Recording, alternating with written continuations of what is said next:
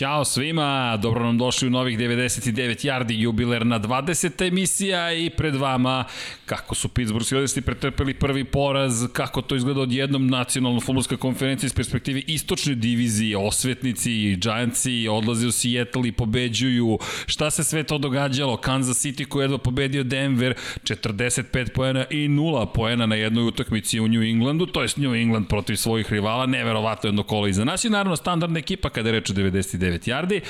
Dame i gospodo, gospodin Miksa, gospodin da, da. Jimmy i gospodin Vanja, moja malenkost Srđan, pa da krenemo, momci iza nas, ludo kolo. Dakle, da krenemo, naravno, da pogledamo zapravo koje su utakmice koje smo mi to istakli prethodne nedelje, već sam neke stvari najavio, doći ćemo i do priče o Pittsburghu koji nismo istakli prethodne nedelje, ali jeste ovo je nedelje, međutim za početak Cleveland protiv Tennessee-a. Ljudi, postavilo se to pitanje da li je Cleveland onaj Cleveland ili neki novi Cleveland i ko je zapravo Baker Mayfield? Jesmo dobili odgovor, Jimmy? Pa, ha, onako, boga mi, 13. nedelja kad se završila, odgovor se sam nametnuo.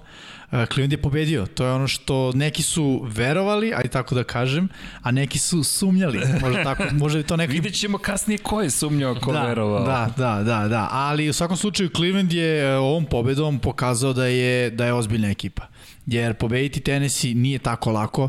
Tennessee smo negde, čini mi se, svi mi videli kao pobednik, ne baš svi, možda je ne. neko i razmišljao drugačije, ali većina, ne da, većina, većina je videla Tennessee kao apsolutni favorit, a šta je Cleveland uradio? Cleveland je pre svega oduzeo Tennessee ono što je karakteristika Tennessee, a to je Derrick Henry. I nismo imali ni jedno trčanje koje bismo nazvali Henryjevskim trčanjem. Tako 60 je. yardi i koliko? 15 nošenja imao? Tako je, 15 nošenja, 60 yardi, s tim da je prvo polovreme završio sa 15 yardi, Derrick Henry. Ok, znamo da se pali u drugom polovremenu, ali ovo nije moglo da upali niko. Da, i fumble na svoj polovini. Da. Od Erika Henrya ja iskreno ne pamtim kad sam to video.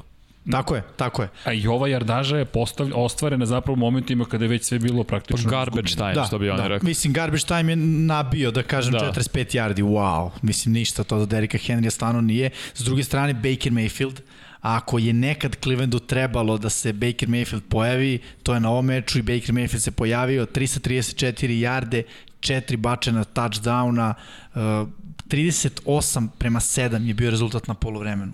To je baš bilo onako, da kažem, gaženje u najavi. Naravno, čap, da kažem, standardan. 80 yardi možda nije previše, ali jedan touchdown. Uh, to su sve bila nošenja uh, koje su bit, bila bitna, da kažem, te sve jarde, naravno da se ustanovi ta igra trčanjem. I onako, Cleveland, rekao bih da niko nije očekivao, ali lagano se prošetao pored, protiv tenisa. Da, sasvim laga. Ono što je upečatljivo jeste to na polovremenu 38-7 i posle drugog polovremena ako se Cleveland ugasio, jer nikad nisu bili u ovoj situaciji da vode toliko, oni su bili zbunjeni kao šta sad? Da li nastavimo trčanje, da li Baker i dalje, pošto je igra ne, nevjerovatno kako nastavimo meč, ali su uspeli na kraju da ga završe i došli do pobjede. Da, i eto da kažem, za tenis je samo poslednje dve utakmice protiv Kolca i Ravensa, za njih su bile dobre defanzivno, iako su čitave sezone dozvoljavali 30 plus poena. E ovde sve što je išlo dobro protiv Baltimora i protiv Indianapolisa nije. Uh, bukvalno uh, jedan na jedan situacija, uh, double move ruta, Baker to odmah vidi, baci fade, touchdown, jedna akcija, touchdown. Da, da. Pa onda fumble, Cleveland dobije loptu u crvenoj zoni, bam, touchdown. I tako kad dobiješ tri šamara u prvoj četvrtini, u prvom da, da. polovremenu, da. očigledno Titansi imaju tu boljku kao pojedin pojedini timovi u AFC-u kada gube velikom razlikom, s obzirom da ima identitet trkački, ne mogu se vratiti i to je to. Ali delovao da će se vratiti, ja sam verovao i onda Humphreys ispušta on jednu loptu koju je stvarno trebao da uhvati bilo koji hvatač u NFL-u, ali eto njemu se desilo da nije uhvatio. Ali kao što si rekao, ja nikad nisam video Bakera Mayfielda ovako raspoloženo, da je izašao i da je odmah, pritom Baker ne samo ove nedelje, nedelju dana pre toga takođe odličan meč za njega. Pazi, od kad se Odell povredio, on je bacio ili je bacio jedno presečeno od tada, od tog momenta ili ni jedno, što je impresivno, što zapravo govori da on bolje kada de, deli loptom više strana, kada je forsira na Odela. Ali dosta manje pokušaja. Istino, istino, istino. Znači, od tog perioda kad je igrao Odell, on često ima ispod 30 pokušaja dodavanja. Ova utakmica je bila anomalija, ali ovde se već vodilo, yes. pa, da. pa su malo Ali je vam, izvini, izgledao dobro Kevin Stefanski šta je pripremio. Ono što je mene oduševilo jeste zapravo, ovo što Vanja kaže, gotovo da su izgledali zbunjeno. Međutim, kontrolisali su oni utakmicu od početka. Ono što je bilo fascinantno jeste i tri akcije koje su bili spremni da, da izvode. Baš hrabra ekipa yes. Clevelanda. Lepo hvatanje Bakera. Vrlo. I moram, Jeste. Da, i moram da pohvalim još jednu stvar, ta lažna uručenja i generalno uručenja, e, evo Miksa ti, mi re, ti reci da li si to nekad vidio, ja nikad nisam vidio ono uručenje sa dve ruke. Da. Obično quarterbacku jednom rukom daju i play action i uručenja. Baker je ovde, da kažem, patentirao nešto novo. Mislim, nije to toliko novo, ali ne svakidašnje. Sa dve ruke uručenje Mislim, ređe. dovodi, da, dovodi do toga da se defanzivna linija, taj igrač koji nije blokiran na suprotnoj strani od play strane, zastane duže nego što bi inače zastao. Jer ne vidi da li je lopta data ili nije data. I to je malo kupilo dovoljno, do, do, do, dodatnog zapravo vremena za Browns za napad. Vidimo neke quarterback koji igraju na taj play action Lamar ima isto to. Lamar ima najbrutalniji, Da, da, da. da. mi se taj read option, ali u, uče od njega i sad, sad svi skidaju to i bit će još bolje jer će napadi biti sve više sa ovim trik akcijama. Da. A naravno Cleveland do samog starta sezone pokušava sve ovo da radi. Bilo je mečeva, ja protiv Kolca kad sam gledao onaj meč, tu je bilo toliko su baš reversova, double reversova, dodavanja. Zabavljaju se, a opet Stefanski je meni priča ove godine, jer je prva, prva pobednička sezona je ovo za Cleveland. Mi smo sad sigurni da je ovo pobednik, znači iznad 50%, imaju Tako 9 je. pobeda. Prva od 2007. I već su p- prvi u wild cardu za A playoff. pazi, tako. M je on ruki glavni trener, M je, da kažemo, naravno prvi put trener te, te ekipe, tako da uradio odličan posao i da se vratim na ono sređenje što si rekao za Stefanskog, a, prosto i za Bekama zapravo svi kad smo pričali, da, da kako se Bekam povredio, te stvari se jesu promenile, mislim da to nema nužno veze sa tim, najviše ima veze prosto kako je Stefanski video šta je identitet Club Brownsa, trebalo je nekoliko nedelja, to je ono što mi već pričamo, to je trčanje, oni su dalje trkačka ekipa, a i Ba- Baker Mayfield se budi, mislim da su to odlične vesti za njih. Da, samo da spomenem za tenis i on je potpisao, tenis je potpisao i Vic Beasley i Clowney ove godine. Nikakva produkcija od njih. Beasley je čak i bio katovan posle pete, šeste nedelje, Clowney na uh, završio sezonu, ali nikakva Ja da produkcija nemaju, sa Edge-a. ja mislim da nemaju sek. Da, obojica, da, njih dvojica Dvojica, nemaju da. zajedno, ne? Spomenjete, da, da, da nas vratim i na ono što nas čeka, spomenjete Lemara, spomenjete celu priču, ljudi šta nas čeka za Monday Night Football ove nedelje. Pa vidjet ćete. Da, samo da znate, najava 14. kola će biti podjednako uzbudljiva. Pričamo o očigledno divizijnom rivalstvu. Kada pričam, spomenjem divizijnom rivalstva, LA Ramsey protiv Arizone su odigrali uzbudljivu utakmicu, otišli su u Arizonu i naneli poraz 38-28 ljudi odlična utakmica i to je bilo i u jednom momentu se činilo da bi Arizona mogla pred kraj da učini, to jest veliki comeback eh, novog Supermana, uslovno rečeno, to se ipak nije desilo. Da, pa ono što smo pričali mi u našim prognozama i bili smo apsolutno u pravu jeste da odbrana Ramsa je legitimno dobra odbrana, a upravo su dobili način od uh, New England Patriotsa kako se igra protiv Kalera Maraja i Arizone. Uh, rekli smo da fali Larry Fitzgerald i Larry mnogo fali Arizoni. Ramsi jednostavno ne moraju da idu na blitz kako imaju defanzivnu liniju i to je bio veliki problem za, za Arizonu. Arizona je u jednom lošem trendingu takođe, kada gubite toliko meča, se njihova jedina pobeda je bio Hail Mary pas da. i to u posljednjim sekundama protiv dobre ekipe, jeste protiv Billsa, ali bilo je onako, može, a i ne mora da bude. Bukvalno od tada loše igra, trčanje nije toliko implementirano, Kenyon Drake je pod povredom. Ako možeš da pustiš samo ovu uh, statistiku, samo da pohvalim Jareda Goffa koji je onako imao dve utakmice sa 300 plus yardi, to, to smo ga pohvalili, pa imao jednu lošu utakmicu. Znači ipak on mora da odigra i ole dobro da bi Remsi triumfovali. Na ovoj utakmici je prebacio 300 yardi. Uh, vidimo veliki broj pokušaja dodavanja, ali on ove godine dodaje za mali broj yardi. Kada pogledam koliko ima yardi ukupno, to je tek nešto preko 3000, ako uzmeš obzir da baca 50 puta po utakmici, očekivo bi da ima 5000 yardi do sada. Ali onako, malo po malo, malo po malo, ono što je bitno za njega da je u situacijama koji su sada treći za jedan, četvrti za jedan, sve češće se zove njegov broj za trčanje, Istina. za snikove, za ona preskakanja. I, I pogledaj sada stanje, izvini, Ramsey, gde su u zapadnoj diviziji nacionalne futbolske konferencije? Da, Remsi jesu na, na prvom mestu. Remsi imaju ta dva duela na kraju koje će verovatno odlučiti. Imaju i oni i Seahawksi prilično uh, sličan raspored do, do samog kraja. Znači, bukvalno ono, pobediš prvi si i izgubiš nisi prvi. Ako misliš da, da si dovoljno dobar, trebao bi da pobediš. Za, za Rams ono što je stvarno dobro uh, jeste što će ponovo igrati na ovom terenu protiv San Francisco koji mora da igra na, na tom terenu. Tako da, eto, odgovara im očigledno Arizona. Kaler Murray, opet jedan podbačaj po, po mom mišljenju. Očekivao sam stvarno na početku sezoni, stalno sam pričao o tome da on može da bude uh, kandidat za, za MVP-a. I kako je krenula sezona za njih, kako su igrali dobro, oni su izgubili od Miami, ali to je stvarno bilo napeto, čini mi se. Jeste. Bilo ono na jedan posled. Moglo da se desi i da pobedu u toj utakmici. Međutim, sve utakmice za njih su sada onako, može da bude, ne mora, on je već heroj, on mora nešto da forsira, ne znam, odbrana ume da ih proda u ključnim momentima, eto protiv New Englanda, jedan glupi udarac za field goal, tu utakmicu su izgubili. Sada već pronalazi oni načine kao mladi neiskusan tim uh, da gube, imaju 6-6, Minnesota ih istisla uh, trenutno iz wild carda, pričat ćemo i o tome. Za Arizonu postoje šanse, moraju da se, ono, šamar realnosti, da se prisaberu ovi poslednji. Regrupišu sad. U ovom decembru. U decembru ako se samo malo prizovu pameti, ne, ne čeka ih naravno lak raspored, ima dobrih utakmica, ali Remsi su odradili šta su morali. I eto možemo da kažemo da, da je bio Thursday Night Football i verovatno ste svi vi to gledali. Ako ste gledali, znate da, da su Remsi još jednu pobedu zabeležili. Jeste, još jedno, I to protiv ekipe koja je pobedila Arizona, Tako koja je. su ih spominjali. Međutim, cijela ova priča nas uvodi u sledeću utakmicu koju smo najavljivali New York Giantsi protiv Seattle Seahawksa. Da treba se- aplauz. Molim vas, pa za jel, jel, jel. Nema mnogo pogođenih, ali ovo kolo je bilo jedno od boljih. Dakle, Giantsi odlaze u Seattle i odnose pobedu.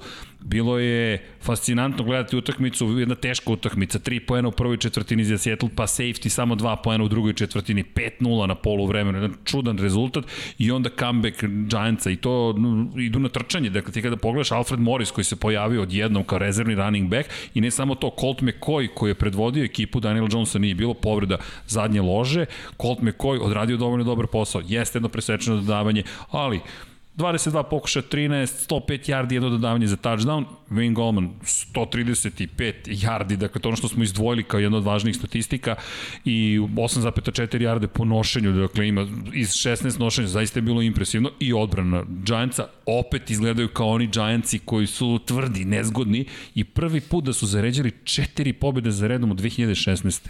Neverovatno, je ono što je za mene isto fascinantno kad govorimo o Giantsima je ofanzivna linija. Setimo se kad je Saquon Barkley bio zdrav, to je bilo ono jedan yard na utakmici. Pričali smo da je naj, jedno najgorih u ligi. Tako je. Tako je. I nešto se desilo u poslednjih nedelja. Mislim da je trenutno a, time što je ofanzivna linija iskoračila, da su Giantsi sad u poziciji da mogu ja da budem quarterback za njih. Šal na stranu, ako god da je quarterback i Daniel Jones ili Colt McCoy nije puno bitno. Wayne Goman razvaljuje kako igra. To smo videli. Zašto tako igra? Pre svega ofanzivna linija. I kao što si rekao, Alfred Morris, čovjek koji je zaboravljen godina Bukvalno je zaboravljen čovjek. Tako je, evo ga, postiže touchdowne, radi taj prljav posao za Giantse, to je ono što je najbitnije, hvatači su postali pouzdaniji, ne ispuštaju toliko lopti koje idu ka njima i odjednom Giants izgledaju jako ozbiljno. I to, to je bila situacija u nekoliko utakmica, ja daću primjer protiv Filadelfije, Ingram, koji je jedan od najboljih hvatača i pravi mismeč, mm -hmm. ti se osloniš u utakmici da i to dodavanje za pobedu ide na njega, on ispusti loptu, prođemo kroz šake, ali to je baš dobro dodavanje Daniela Jonesa, prođemo kroz šake. Izgubiš taj meč, okej, okay. Idemo Sve je to bilo pre. Sada on hvata ta dodavanja. Sterling Shepard sada hvata. Kome god da se baci lopta, on, oni hvataju i, i to je još jedna razlika na, na sve ovo što si rekao. I opet, specijalni tim igra bolje. Uh, glavni trener ima trener specijalnog tima. Opet je to važno odakle krećeš, ka- kako dolaziš u situaciju da, da poentiraš. Giantsi su u ozbiljnom nizu. Jesu, a ono, izvini, ono što je meni bilo fascinantno, ako se vratimo šest godina nazad, Colt McCoy, poslednji put kada je odneo pobedu kao startni kvotar, bilo je 2014. godine u oktobru protiv Dallasa. Samo nedelju dana kasnije Alfred Morris je imao poslednju utakmicu opet za Washington Redskins, i to je ta ekipa sa dva nošenja za touchdown. Već imaju Dakle, hemiju. Pazi sad to, jednom Washington koji se u to vreme su bili Redskinsi se vraćaju 2020. Meni je fascinantno zapravo istočna divizija, evo ponovo nekako u Sve igri. je povezano. Ne znam, meni su što se tiče Giantsa dve ključne stvari. U poslednjih 6 od 7 imaju minimalno 132 yardi trčanjem, znači da kontrolišu vreme Tako dosta. A, a ovo je na, najluđa statistika. Po prvih 8 utakmica, o, 15 izgubljenih lopti i 10 uh, osvojenih. Poslednje 4, 2 izgubljenja, 10 osvojenih. Da, da, odbrana je isto... To je, to je ključ. Čuvaju sad loptu. Tako je, i to smo izdvojili na, na, na, na našoj eh, grafici. Odbrana igra odlično, dva isforsirana fambla, jedan interception, četiri seka, to je odlično zaista za, za, za odbranu, ali eto još jedna stvar koju nismo spomenuli, to je napad Sijetla. Seattle, to je Tako to. I pričamo o tome već nedeljom nazad, trčanje. Kad je trčanje eh, rizično, kad je kritično Seattle, obično gubi, ponovo je Russell Wilson i na ovoj utakmici imao, rekao bih, neki 40%. 45 yardi. Eto, 40% i, i preko uh, od ukupnog broja, ovo su yardi po zemlji Carson 111. 65, Wilson 45, Manje i jedan to je yard to. je Hyde imao, ali ono što je isto zastrašujuće, 43 pokušaja kroz vazduh, 27 uspešnih, jedno presečeno davanje, jedno za touchdown, međutim ono što je meni bilo fascinantno, devet različitih hvatača je on pokušavao da iskoristi, osam je bilo uspešnih i to opet je to cijela priča, to ne Gledaj, funkcioniše trčanja, da, trčanja Russella Wilsona su često kada je pas akcija. Nije dizajniran Nikada, uvek da. Ne, ne, za on- njega, nije on Lamar Jackson, nije, nije Cam Ne Newton. otvara se prolaznik, Tako je, on znači on da čeka, spase čeka, krene da skrembluje, pa ako nije niko tu, on će da istrči 5 yardi po 5. Uh, tako da trčanje, ja računam ovih 66 yardi koliko su imali, što znači da ne može da se trči protiv Giantsa, što samo pokazuje koliko su oni dobar posao odradili u odbranu. I, i po, pomenuo bi Leonarda Williamsa koji je dobio onako ultimatum, ili ćeš da odigraš kako ovu sezonu, mm -hmm. da, da pokidaš, dobiješ franšizni ugovor, da budeš igrač dugoročni na nekoliko godina. Mi, mislim da je odgovorio sjajno, da im je trebala jedna zvezda, moraš da imaš talentovane igrače zvezde i u napadu i u odbranu ako hoćeš da pobeđuješ. E sad Giantsi to imaju. A pogledaj Giantse sada, pet pobjeda, sedam porazi izjednačeni sa Washingtonom. Na vrhu sveta. I, i pogledajte divizija 3-2, 3-2. Izvini, Na vrhu malog sveta. Ali to je taj duel. Pričemu Philadelphia sada ima isti broj pobjeda kao i Dallas Cowboys i osam poraza, ta jedna nerešena utakmica, ali kako se okrenula situacija Giantsi koji su u naletu četiri pobjede za i Washington o kojem ćemo posebno pričati, ali ova divizija postaje baš interesantna odjednom i možda ćemo imati pozitivan skor na kraju godine, nešto što nismo baš očekivali. Možda. Ti si baš teško. optimist. Jesam. Da, baš teško. ali to ćemo videti kasnije. A pa- Da li sam ja, čekaj Miksa, ko je optimista kad je reč o Giantsima? Da, on je izabrao NFC istok i isplatio mu se. Samo da kaže za Russell Wilsona i generalno za Seattle, poslednjih sedam mečeva oni imaju samo tri pobede i baš sad u lošoj formi Wilson pogotovo samo 13 touchdownova i 8 presečenih. To je baš nekarakteristično Da, za I nije njega. njegov standard. Ne, daleko daleko od toga. Daleko, daleko. herojski, herojski futbol. Ali, Nažalost, da, i to, a pričali smo o tome da će najzad ove godine biti u igri za MVP-a i da će za najvrednijeg Mislim da je igrača ta delo je da opet neće ne glas da dobije. Tako je, neće dobiti ni glas, a nema ni razloga da ga dobije u ovom momentu. Ne. Pa u top 3 nije. Nije. Meni nije. Ne znam za vas. Možda top Meni 5. Sigurno nije. Možda top top 5. Možda. Slažem se, ima toliko i mladih eh, quarterbackova koji prosto sad igraju bolje od njega i druga stvar isto koju je važno izdvojiti kad pričamo o njemu, mnogo je sekovan.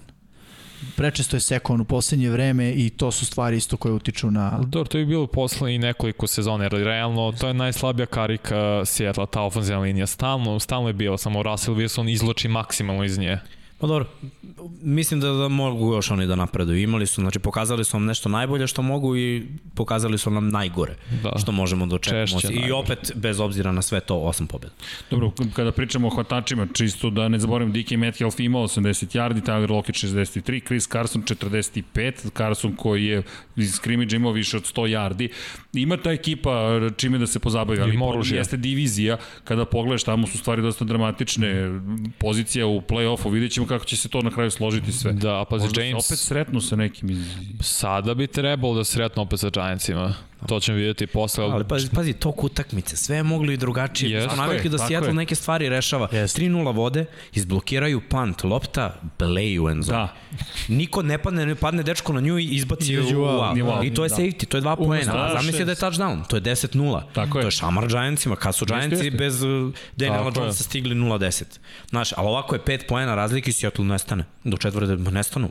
Nema ih u Ali napadu. decembarski Od- futbol, ljudi, da. to je to, to, to je Pa odbrana za play-off. Giants je stvarno neverovatno. Pa pričam, spomenuli sam ovog James Bradberry-a, Jeste. koji odigrao je čovjek neverovatan meč. Do kontroli su je Dike tokom većinom meča. I možda najdiskretniji heroj odbrani Giants je Blake Martinez. Um, da, nije Da. diskretan uopšte. Ja kažem, Gia, ovi Packersi Packers. su izgubili toliko, a Giantsi dobili toliko njegovim dolaskom. Kada već spominješ Packerse, sledeća utakmica koju smo, kojom smo se bavili, Philadelphia je otišla u Green Bay i Vanja, hoćeš ti da preuzmeš? klasičan? Aaron Rodgers, 25 od 34 uspešnih dodavanja, 295 yardi, 3 touchdowna, Devonte Adams isto 10 hvatanja, 121 yardu, dva touchdowna i to je to opušten meč za Green Bay. Stvarno ono laga, nisu imali šta da brinu. A A druge Filu bi, a Filu bi ostavio Jimmy-u.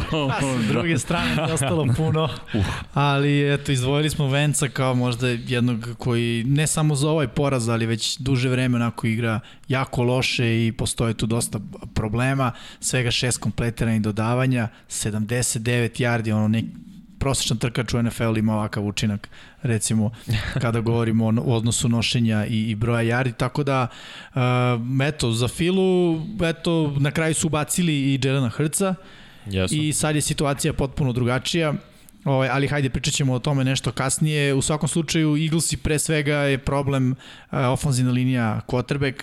Uh, jeste Carson Wentz dosta, dosta onako u, u problemu i, i mora se njemu pomoći. Nažalost, Mora, ja mora. nekako uh, njega sad trenutno vidim kao sledećeg Miča Trubiskog.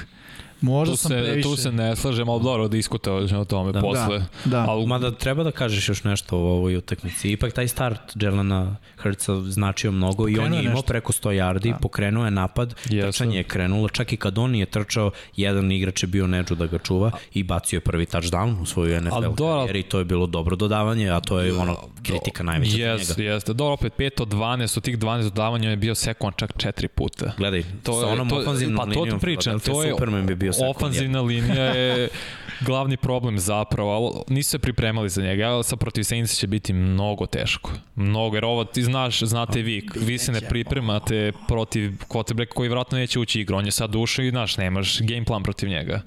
Ali vidjet ću sad protiv Saints kako će to da izgleda. Da, ima još jedan čovjek koga treba da spomenemo, to je Aaron Jones.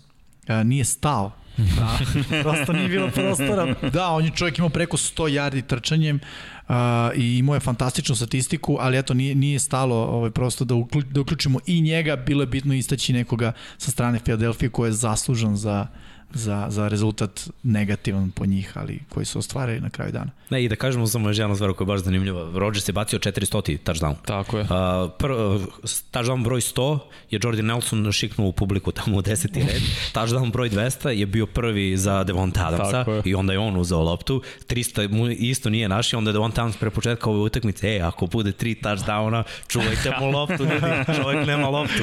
I ovaj, on je uhvatio taj, uh, i bilo onako ba, baš uh, Jest, lepo na krunisanje. Sidelanu, tako je da dao mu loptu, onako ručio. Ovaj. Rodgers inače rekao A to je da... divna scena. Da, ali to je najbolji tandem možda quarterback hvatač trenutno u ligi. Tako da Slažem ajde se. kad smo ih istakli Jeste, već u da, statistici da. da, kažemo da njihov odnos i van terena uh, sjajni. Eto. Pa da, i Rodgers na, najmanji broj utakmica mu trebalo za 400 yardi i ubedljivo najmanje presečenih ima. Isto, kad porediš druge ko, quarterbackove sa 400 plus touchdowna, stvarno je ono neverovatno. Uh, eto, prehodne sezone Lamar je imao 36-6, to je bilo najbolje u NFL-u broj dodavanja za touchdown. Ove godine, koliko još ima mesec dana do kraja, Rodgers ima 36, 36-4. Da, da. Pazi, dobro, pričat ćemo o Mahomes isto. Idemo, da, idemo. Idemo, dalje. idemo dalje. A dalje idemo San Francisco koji jeste zvanično domaćin, ali baš nije igrao kod kuće. Dočekao je Buffalo i utakmica nekako nije baš bila dobra za San Francisco. Kada pogledaš zadnju kolonu, hajde da pogledamo San Francisco i kada pogledamo jarde koje, koje, koje ste istakli, da, to su trčanje. trčanje nije funkcionisalo. Nije funkcionisalo San Francisco trčanje. Mislim, znamo svi da je tamo bolnica. Znamo svi da tamo oni igraju sa, ono, na depth chartu su zagrebali neke pete, šeste igrače. Mislim, zavisno od pozicije, naravno, druge, treće. A, tako da nije im lako, ali ono što se meni sviđa kod 49ersa, ne odustaju. Ono što mi se takođe sviđa, to je Nick Malens koji da, nije sjajan, očigledno, ali po meni jednako dobar kao Jimmy Garoppolo. Zašto mislim da je to dobro? Zato što već naredne godine to može da onako uh, učini interesantnijom tu trku za uh, quarterbacka broj 1 kada govorimo o 49ersima. Po meni mislim da je samo Jimmy Garoppolo veće ime od Nika Malensa. Što se tiče kvaliteta, zaista mislim da su vrlo blizu jedan drugom i da ih ne, raz, ne razdvaja puno stvari. Jimmy Garoppolo ima više odigranih utakmica i možda je, ne možda, definitivno iskustvo na njegovoj strani, taj, taj moment donošenja odluka je bolji za toliko koliko je bio starter. Pa i s kim je bio? Bio je ipak u sobi s Tom Bradyem i Bill Belichick i imao je vjerojatno pokupio neko iskustvo i znanje koje mi- Nick Mullins, nažalost, za sad možda nikad neće Da, imati. pa nije možda samo iskustvo, nego, nego samo taj moment na, na hrabrosti. Malens je mnogo hrabar i ovu utakmicu, ja sam prenosio ovu utakmicu, on je stvarno krenuo hrabro i, to, i njegova dodavanja kroz sredinu, kroz one male prozore, sve to bilo okej. Okay. Je možemo ovaj statistiku Dom Pablo. Dom Pavlo. Don Pablo, hvala. A, međutim, evo, samo bi ovo da istaknem. Josh Allen. Da. Josh Allen je na ovoj utakmici, zašto nije imao trčanje, bilo dobro za San Francisco. I oni su krenuli da povezuju, dobro, jedno trčanje, drugo trčanje, onda mora pas za novi prvi down. E, onda nema kod uhvat, nema kitla, nema više tog e, iz play actiona da se pronađe, neko ide nekompletan pas i onda Buffalo i Josh Allen e, izađu na teren. I šta se onda desi? Bukvalno malo trčanje na prvom downu i onda jedno kratko dodavanje, pa onda drugo, pa prvi down, pa prvi down i to je 7-8 minuta na terenu, postignu touchdown opet se vrate nazad e, na teren 49ersi, opet ne urade ništa, opet izađe Allen. Ovo je bio maestralan napad. On ima uh, četiri touchdowna, 80% kompletiranih dodavanja ne, na, na, na ovoj utakmici. Da, da, Bizli je rešio taj svaki mismatch jedan na jedan Koliko koji je imao, igra dobro ove godine. Ali ne samo on. Znači, rekao bi Stefan Diggs koji je tu doveden da bude broj 1. Kada god je trebalo za prvi down, on uhvati loptu, bio je jedan trenutak kad je pao na zemlju, pridigo se, nikoga nije oborio, on je osvojio novi prvi down.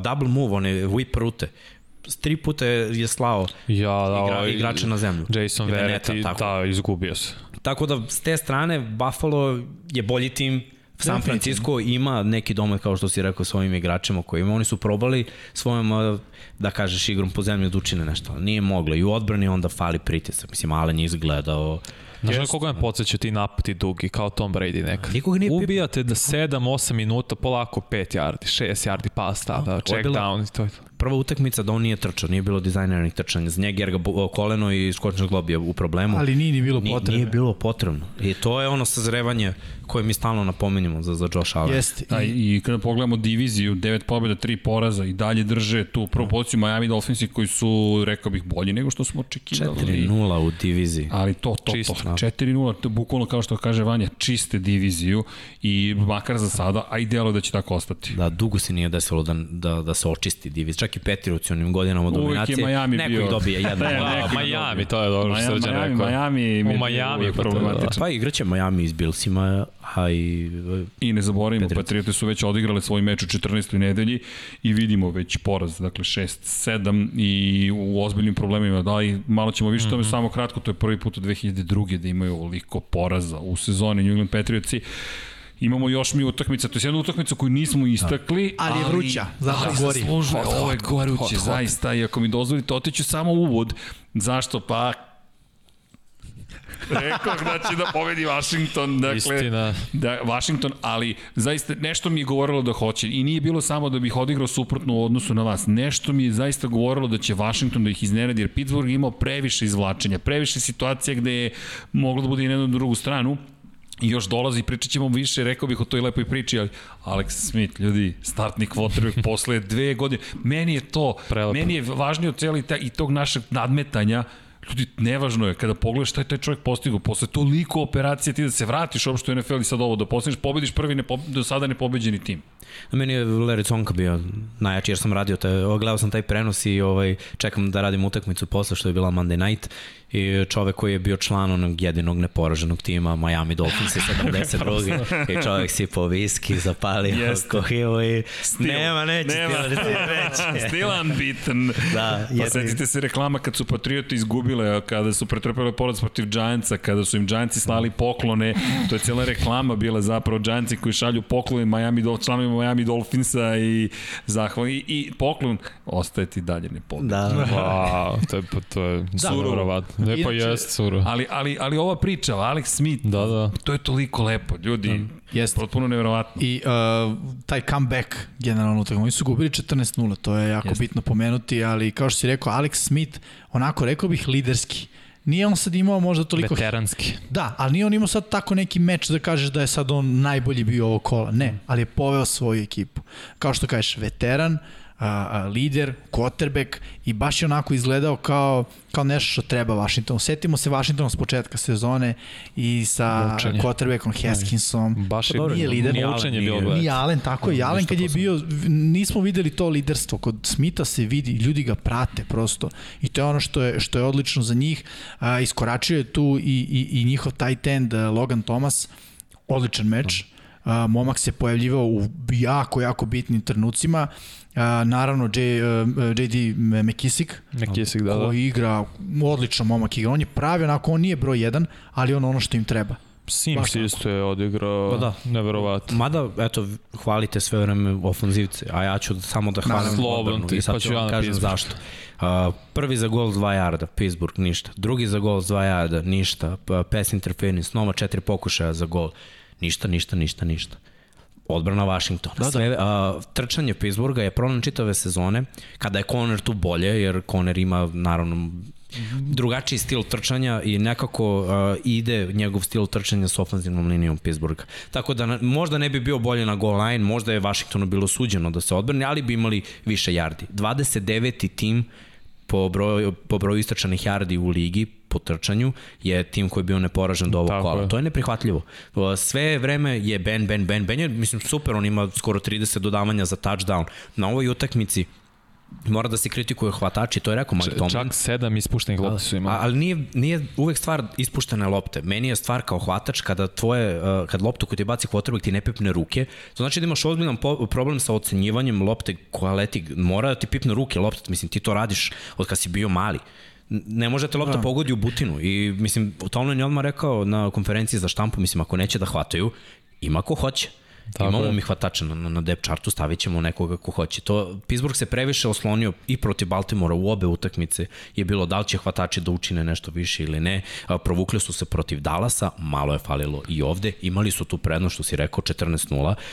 Očekuješ da pobedi tim koji nije, nije bio poražen. Tako je, to je ono što sad teo se nadovežem što je Srđan pričao. Bilo je vreme da izgubi Pittsburgh i zato su oni mojim očima nisu, ne mogu da prosto imaju neke šanse protiv Kansas City-a. Evo, smeje se Don Pablo. Ali od kad Bell nije tu, 29. u trčanju, 31. 29. Znači, da je Antonio Brown bio ovde, druga priča opet. I stvarno Steelersi videlo se, ni, nisu ta ekipa. Definitivno. Mada ovaj šamar je uvek dobar. Jeste. Uvek je dobro da izgubiš u Bolje da regularnom izgubiš delu. u regularnom delu Naravno. sezone. Ne baviš se istorijom, nego se baviš titulom. Ej, i ne samo jednom, bolje je da, da sve što ti ne valja u timu ti neko pokaže u toku regularnog dela sezone. Jer uvek kada digneš neki tim u nebesa da misliš da je neuništiv, neko ako zaustavi tu najbolju stvar koju imaš, izgubit ćeš prvu utakmicu u play-offu. Da, ja bih povukao jednu paralelu. 11-0 Patriote od te godine koju si već pomenuo, 11-0 Steelersi ove godine nije isti futbal. Ne, ne. One Patriote su bile nemilosrdne. One su kasile. Ono je, ono je bilo baš onako Mossom. masakriranje svih Tako je, protivnika. Mučili tako su se to u regularnom delu sezone protiv Coltsa samo. To je bila ona ekipa I to je Manning, da. Mislim da je Harrison bio Jest. tu i to su, mislim, to su bile dve ekipe koje smo svi rekli, ok, ovo će jedna od ove dve ekipe ide u Super Bowl kao predstavnik AFC-a.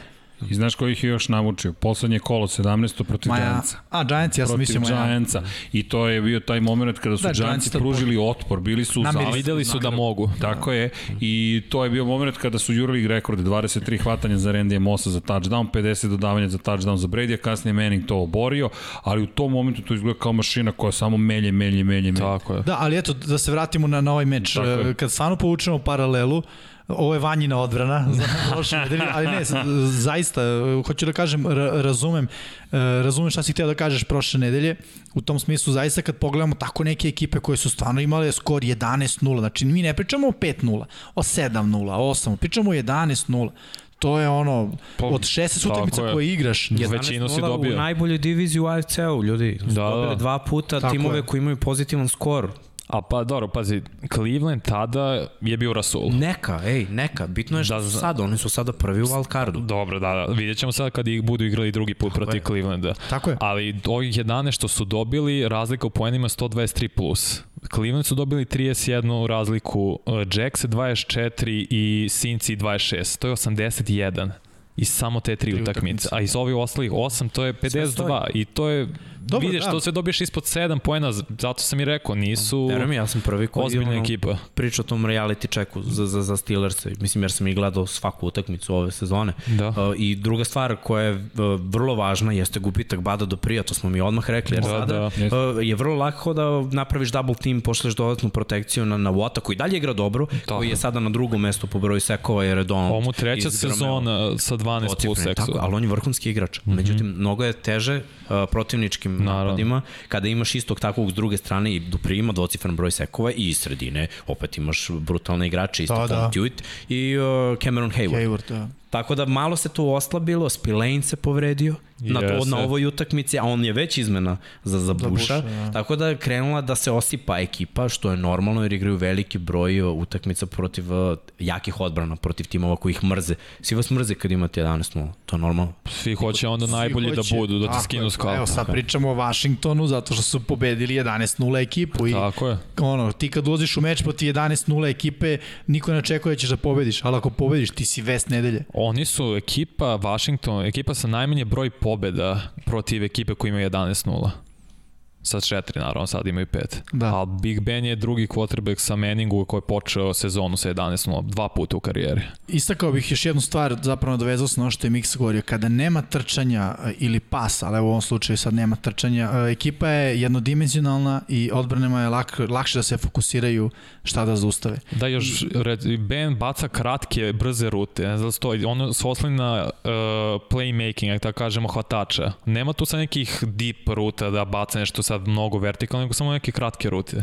Pa dobro, Brze. Ne, pa da. okay, u njegovim, da, Da. Jeste, jeste, pa Ne. To menja trčanje, realno. Pa da, e, pa to, to. Zašto u je njegovim, loše u njegovim trčanje? godinama s njegovom mogućnosti skrembla, mada bilo je tu prelepih poteza, on Da. je dalje majstor skrembla.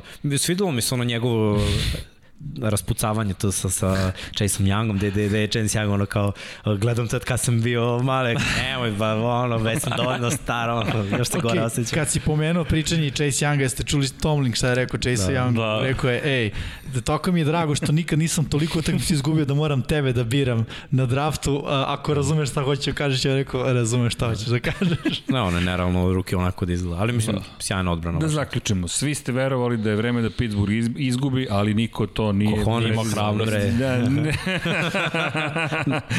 u svakom slučaju, 11 pobjeda, jedan poraz za Steelers, desio se poraz u diviziji, dalje imaju četiri pobjede, slično Buffalo Bills, to je identično Buffalo Bills u istočnoj diviziji, neporaženi, stiže još te, stižu još te dve utakmice u diviziji, bit će veoma značajne, ali pogled na playoff sliku ćemo videti nešto kasnije. U ovom momentu 9 pobjeda, 3 poraza za Browns, Baltimore 7 pobjeda, 5 poraza i ovo divizija koliko žestoko izgleda u ovom Da. trenutku. Će biti fenomenalna završnica. Kada pogledam, sever zaista AFC-a, jedva čekam te utakmice. A imaćemo već u ovom 14. kolu. Da. Da, pa imamo tu još mečeva, mislim, koji, Da, da, ovo su imamo bili mečeve. mečevi koje smo istakli. Nek ste ja sam malo pre da se osvrnem, niko, niko ne očekuje da pobedite. Onda sam se zbunio, kako niko ne očekuje da pobedite? Kada imate, idete na ekipu koja ima 11 pobjeda. Pa da, redko ko, redko ko očekuje. Retko ko očekuje. Da, redko, ajde da se ispravim, da budem... se, šalim se. precizniji. Ali imamo, imamo mi još utakmica, dakle, korist, koristim ljudi malo preko, dajte mi malo da uživam, ipak da. sam ispod 60% uspešnosti. Bengals i Dolphins i ne znam ni koji bih komentar dao, no, Bengalsi su zaista prosto u jednoj teškoj situaciji, očekivan poraz, rekao bih, od kuće Miami Pa da. samo rešio utakmicu. Pa u padu su Bengalsi, nema, nema što zašto više da igraju, samo zašto da. boljeg pika da dobiju. Pa, samo bih rekao, vidi se koliko je Burov dobar nakon toga da. što se Da, povredio. bravo, Tako, Oni su bili egal u svakoj utakmici kada je on igrao. Jeste.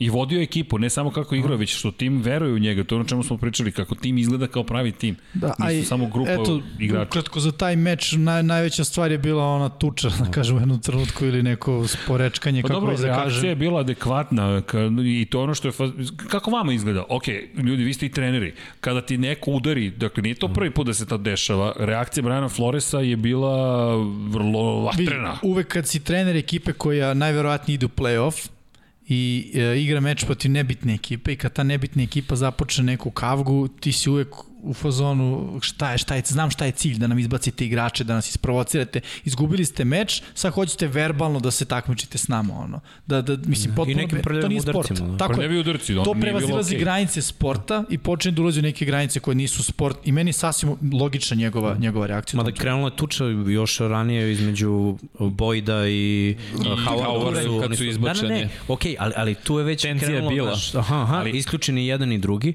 i onda ovo drugo. Zašto je pitan Jakim Grant? Pa Preston Williams se povredio i sad je Grant hvatač broj 2 i ti staviš hvatača broj 2 da vraća pant, a pant je ono, mislim, nije nameštanje hvatača ko traži fair catch, ali ako hvatač oceni da može da vraća, pant može da bude nameštanje vrlo lako. Jedan promašen blok i strašan udarac Bum. i Grant se pro, povredi i više nemate hvatača broj 2. Sada tight end postaje hvatač broj 2, što Da. naravno uh, smanjuje šanse Miami da učini nešto više. Ali redko vidimo da utrči onako trener i da krene u direktan obračun, da uperi prstom na igrača i kaže ok, dođi na mene. A Flores je rekao ok, Okay, Oduševio dođi. se kad se to vidi. Oduševio. Jel tebe to Da, oduševilo? Ali Da, vidiš ti energiju. Miami Da, da. To, ove sezone. to je to, ne, to je ne samo njega, nego on je promenio ovu franšizu, kulturu. Razmišljaju o pobedi i, i o tome da idu u play-off i to ne, i ući ćemo u play-off i to je super, tu smo završili posao. Ne, ne, ne, ne, ne Daj da ovaj napravimo nešto. ozbiljan tim ukoliko uđe u play-off. No, I dalje imaju pikove, oni i dalje imaju pikove. Ali, dobro, Dobro, ćemo. doći ćemo na to, ali Miami deluje baš dobro. No, Broncos i Chiefsi, diviziono rivalstvo, Uzbudljivije nego što je delovalo na papiru, da budem Pa, iskren. jes. Ja, onako, deluje mi kao da su Chiefsi ušli sa pola gasa, da tako Pola, kažem, sve vreme igrali istina, sa istina. Pa polovinom igrali, da. polovine gasa, da. otprilike, ali okej, eto, Broncosi na kraju, mislim, ne, nije, nije bilo realno da oni pobede, ali meni ono da. što je zanimljivo, to divizionno rivalstvo, stvarno su mečevi onako, baš se vidi koliko se zapravo ekipe poznaju i znaju, jesu te to Mahomes, jesu to Chiefsi, ali eto, Broncosi su izašli, što kaže Miksa, kohones. Da, pa jesu. I lepo su odigrali. I Mada moglo je to da bude drugačije sve. Bilo je poništenih touchdownova i touchdownova koje eto... Dobro, bilo je Andy hvatanja koje nije Ja, bio touchdown, a trebalo je da bude tako je. touchdown. Andy Reid je bi rekao prvi put u njegovoj karijeri, a Andy Reid je trener više nego što mi ovde imamo godinski sad. Bukvalno nikad se nije desio da hvataš misli da nije uhvatio loptu. Hvatač uvek misli da je uhvatio čekaj, loptu. Tyreek Hill koji dobija loptu preko glave, hvata je, izbija mu je iz ruku, ne znam ko je bio ko- na njemu u tom momentu, izbija mu loptu iz ruku, pada, lopta mu se vraća kod njega, u os, nijednog do, momenta nije dotakla tlo, odbrmeni igrač pada preko njega, pokušava da mu izbije loptu, izbije mu loptu i lopta mu se ponovo vrati u ruke i Tyreek Hill koji odlazi i pita ga, Andy. pita ga Andy Reid on ništa ne govori i kasnije kada je Reid video, već je bilo kasno, što mi nisi rekao? I didn't know. Andy je imao još 20 sekundi. Andy je kriv.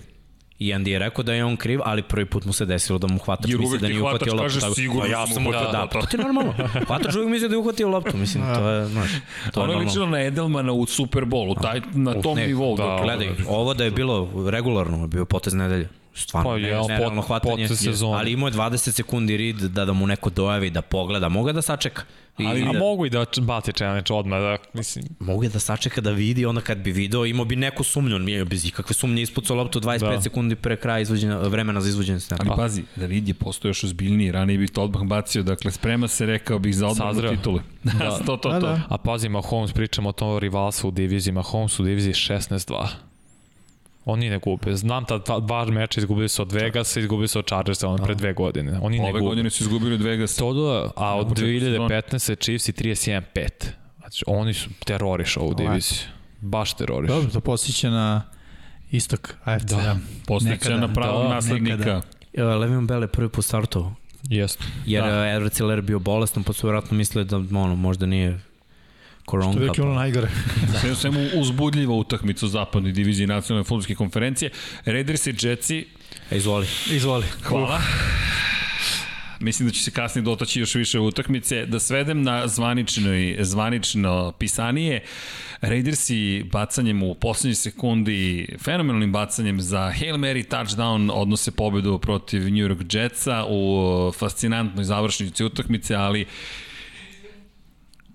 ali da, ovde je Dom Pablo dobacuje nešto ljudi, ali, ali meni je teško da kažem da jedna, jedna ekipa u NFL-u pusti nekoga da je pobedi ili da, da uslovno rečeno dozvoli da bude poražena. Neću da kažem proda utakmicu, ne mislim bukvalno, ali ljudi, meni je ono bilo tužno, ili je u pitanju neverovatni Adam Gase koji je rešio da po, po, povuče sve ne, nemoguće poteze da izgubi njegova ekipa, ili su zaista rešili da budu prvi na draftu, cover nula, da igraš u onom momentu. Gledaj, Greg Williams je dobio otkaz odmah. Jeste.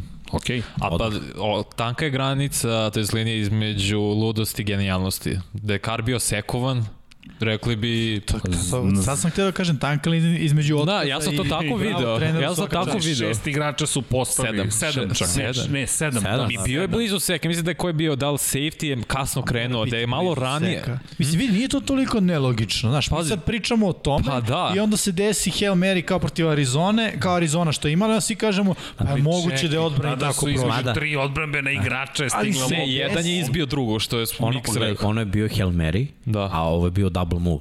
Opet ja moram Jeste, da krivim okej. malo i cornerbacka, Jeste, jer je zagrizo od 15 Jeste, gol. Znaš, jeste. on Valjda je znaš stao, ko je pa Henry Ruggs. I rekao je, Ne, ja znam šta je Henry Ruggs, znaš Ne, je on, čuo va, Henry on nije znao šta je Henry Ruggs. se 30 yardi. Mislim, Da, da, ja, ali on je rekao čim se vidio da otvara kukove, ja odoh. Da? Da, ali ajde, ajde da sad pričamo o, o nečemu drugom kratko, pošto ovo nije meč koji smo istakli. A to je, a to je Raidersi. U smislu, ljudi, oni imaju veliki problem. I što je najgore od svega, oni su svesni toga. I mislim da sad počinju da padaju u, u onaj deo nepoznatog koji se zove, uh, ono, ja ne znam šta će se desiti s nama do kraja sezona. Da, bukvalno, jer ti kada pogledaš Jetsi, ljudi, ja se ne šalim, ja sam stvarno verovao da će, sad, sad sam odustao od Jetsa, zašto? Jer sada više im ne verujem, ne verujem da neće se ponovo desiti, e, slučajno se desilo. I uh, ne volim to da govorim jer mi deluje neprofesionalno i neozbiljno. Međutim, kada Amerika, kada američki mediji diskutuju o tome da li je ovo puštena utakmica, A pa to je samo govori kolika je nagrada Trevor Lawrence zapravo. Da ti namer... teoriji. u teoriji, U teoriji, u teoriji, ne u zna, teoriji. Vanja. Ne, Paziš- po njima je najbolji prospekt od E, od Meninga, ne, neću kažem od Elve, od Meninga. Dotaći ćemo se, ajde da ne otvaram, ali ima, Ne, ne, ne. ova tema će se vratiti Hoće, uskoro u ovom hoće. podcastu, vidjet ćete za, i zašto. za Raiders se poslednjih tri utakmice oni samo 67 yardi imaju po meču trčanja. Pa to dobro, je, Jacobs nije igrao Da, i da. neće ni igrati. Tako. neće ni igrati. A Bez na, njega to je druga problem. ekipa. Da, da. drugačija ekipa, ali lepo si Jimmy rekao, ovo je super opis, mislim da niko ne zna šta će biti. Može da bude, ne mora da znači, to je na tom nivou, bukvalno. Ali idemo dalje, imamo još nekoliko utakmica. Lionsi, Bersi, 34-30. Glej, Bero se neće izaberem, evo brat. kunevam se do kraja sezona. Dosta. Nisam pobedili ni jednom, a rekao sam ono od onih 5-1 da, da će na kraju da, da izgube. 5-0. Čekaj, Lionsi su se vratili, Lionsi su gubili ovoj utakmici. Još jedan game winning drive za Stafford. Najviše od kad je u ligi. Da, da, on svake godine ima najmanje jedan. Da, da. Do već 11 sezona on ima barem jednu utakmicu koja je preokren rezultat u poslednjoj četvrtini ili produžetku. Ja ću sada se izvinim svima koji nas prate dugo i reći opet nešto sam rekao već ne. I prošli put i preprošli put najopasnija ekipa koja ostane bez trenera. Ja sam završio Imaš svoju pravo, da. Jesi, da. Jesi, rekao si. Ja sam samo iskreno mislio da će Chicago ono, ovaj, ovo je jedna utakmica koju su ono kao u mojoj glavi morali da pobede jer sa 6-6 i oni bi bili tu I s oni bi bili ispred Minnesota. Da, pa znaš ono, u Da, glavi mi je bilo, to je to, ako ćemo nekad, sad ćemo, međutim. Mislim, Montgomery je lepo odigrao, dao je dva touchdowna, imao jarde. E, I vodili su lepo, mm. delovalo je ono, to je to, imamo sve. Da, da. A šta imate? Imate 5-7. Da, imaju 5-7, pogledaj, u diviziji 1-3, ovo je jedan od ta tri poraza u diviziji, dakle, kada govorimo o Detroit Lionsima, jedna pobjeda u diviziji je upravo ova koja se desila, dakle, u ovom kolu, Lionsi odjednom su izjednačeni s Bersima, vratit ću se na tebe, Miksa, u Chicago je pakao, tamo je pakao, žele da se proda ekipa, da se promene vlasnici, a ti si rekao na 5-1, Ljudi, neće biti iznenađenja ako bude 5-5, ali ovo je prvi put od 2002. da su izgubili šest za redom. Strašno. Ajmo dalje. Ajmo dalje. To je ceo zaključak ovoga. Hajmo, dalje. hajmo dalje. Jaguars i Vikingsi, oh Jags, oh Jags, kako su me Jaguari izdali, nisu me izdali, dali su sve od sebe u produžecima, su izgubili od Vikinga, Bili su blizu druge pobede, bez obzira na priču o Trevoru Lawrenceu i tome da tankuju, oni ne deluju kao tim koji ide na Daleko plansku, toga. da, da je bilo što da uradi tako. Daleko, daleko od toga i samo hoću pohvalim Kirk Kazinca opet, znači stvarno opet je izvuko meč i igra sve bolje poslednjih 6-15 touchdownova, ima i samo dve presečene Ali- igra baš dobro Kazinc. Ja mislim da će njihov uh, domet biti isti kao i, ranijih godina. Ono, ako uđu u play-off, mislim da, znaš, Iznenade neko. ako im dođe New Orleans, ok, pobedit će, ali ako ne dođe New Orleans, mislim da će tu stati njihov, njihov Pa ne, put. to je i realno, to je realnost. Jer opet uh, oni je, nisu jednodimenzionalna ekipa, imaju Kuka, imaju uh, uh, i igru kroz vazduh, eto i Kazans igra bolje, ali nekako mi ipak njih percipiramo kao ako Kuk ne igra dobro, džabe Kazans, džabe svi, uh, Jeste. ta Minnesota će izgubiti. To ćemo vidjeti protiv. Tampa. Pazi, ali šta može da se desi? Da oni uđu sa broja 7 u playoff, a broj 2 da bude Green Bay. I to bi bilo to prvo kolo, a to je divizija, divizija i već su dobili jedan, Da, tako da ono, znaju se dobro. Ako bude divizijsko rivalstvo, njihove šanse rastu, to hoću da Pa kažem. pazi, iz, do, izvuku i Saints, ili Saints ili Green Bay, viš kao sedmi, Ili, pazi, oni su igrali egal, oni su igrali egal i sa Seattle, mislim, sve moguće. I rekao bi samo JJ, JJ. Bravo. JJ uh, ide onako paste sa Randyjem Mossom i Odelom Beckhamom za najbolju ruki sezonu ikada. Pa ono, ne znam, nije brz. Pazi, u Vikinzima je. Randy Moss, Vikinzi, cela priča, da. preko 1000 yardi. On je broj 18, Randy bio 81. Da. U, Nije dobro, to slučaj. Zanimljiv kadar. Jel 18 tamo ili si bio 17? Sam sad sve Just pogrešio. Jeste, da, ne, dobro si rekao. Dobro Nego je. Randy bio 8-4. A, Randy bio u- 8-1 u New Englandu. New Englandu, Da, Ali da. kakav vam je to kadar, dakle, iza vas? A, A to slučajno. Jedan slučajno se desilo. Mi smo došli, ovo nas je dočekalo. da, slučajno se desilo. 8-1. Imamo još nekoliko utakmica. Saints i Falcons i obično bismo rekli divizion rivalstvo. Je li bilo ovo divizion rivalstvo? Jesmo gledali u meč koji je bio toliko Ne. neizvesan kako pokazuje rezultat ili Pa, ne? ne, odbrana Saintsa stvarno demolira Domina. ekipe u poslednjih već koliko. Od kad, i, od kad imaju već 9, 9 pobjeda za redom odbrana tako dobro igra, sve bolji i bolji. Jadan Matt Ryan već ovo drugi put ga ovako teroriše da je prosto negledljivo. Tyson Hill je bacio prvi touchdown. Jej, proslava. da, da, to, to je važno. I da ne zaboravimo, pričamo o play-offu, nismo spomenuli, Kansas City obezbedio prolazak u play-off, dakle to je sada završeno. I Saints. I Saints I takođe, Saints. to upravo hoću da, i, kažem. I, da, I treba da kažemo da bi moglo prvi put da se desi od kada ova divizija postoji od 2002. da neki tim može da očisti uh, diviziju. Uvek je bilo 5-1, nikad nije bilo, a Saintsima je ostala Karolina, Karolina. imaju 5-0. Da, tamo. Imaju Karolinu u posljednjem kolu. Pričamo o NFC jugu. Da, A, a treba im opet da bi bili prvi u čitavom uh, NFC-u da dobiju Jeste. tu utakmicu, tako da eto, menja se istorija možda. Otvorena, otvorena, u, kako je dobro, decembar i američki futbol, to je uvijek dobro. Još imamo nekoliko mečeva, Kolci, Texansi, Kolci, 26-20, Pa, gledaj, nije bliže. bilo lako. Pobeda, ne, Daleko. ne, samo hoću da kažem da je pobeda važna, ali da, da je bilo lako, baš i nije. Samo da istaknem, kad tenisi gubi, kolci po- su pobedili, jako važno za njih. Jako to važno za je njih. jug AFC-a i kada pogledamo generalno tu diviziju, ta divizija možda nije najjača, ali je fascinantno. U, svake godine je fascinantno na jugu AFC-a. Jeste. I eto i prethodne godine su bila dva tima u play-offu s juga. I sad kad imamo tim više, e, bit će verovatno, Vrlo, osim ako se kolci ne okliznu dva tima s juga. Uh, da. šta je na ovoj utakmici bilo važno za njih, uh, jeste da se još jednom postakne trčanje i bio je sjajan Jonathan Taylor. Međutim, Texansi su radili ono što rade od kada nemaju Bila O'Briena na poziciji glavnog trenera. Bili su u igri.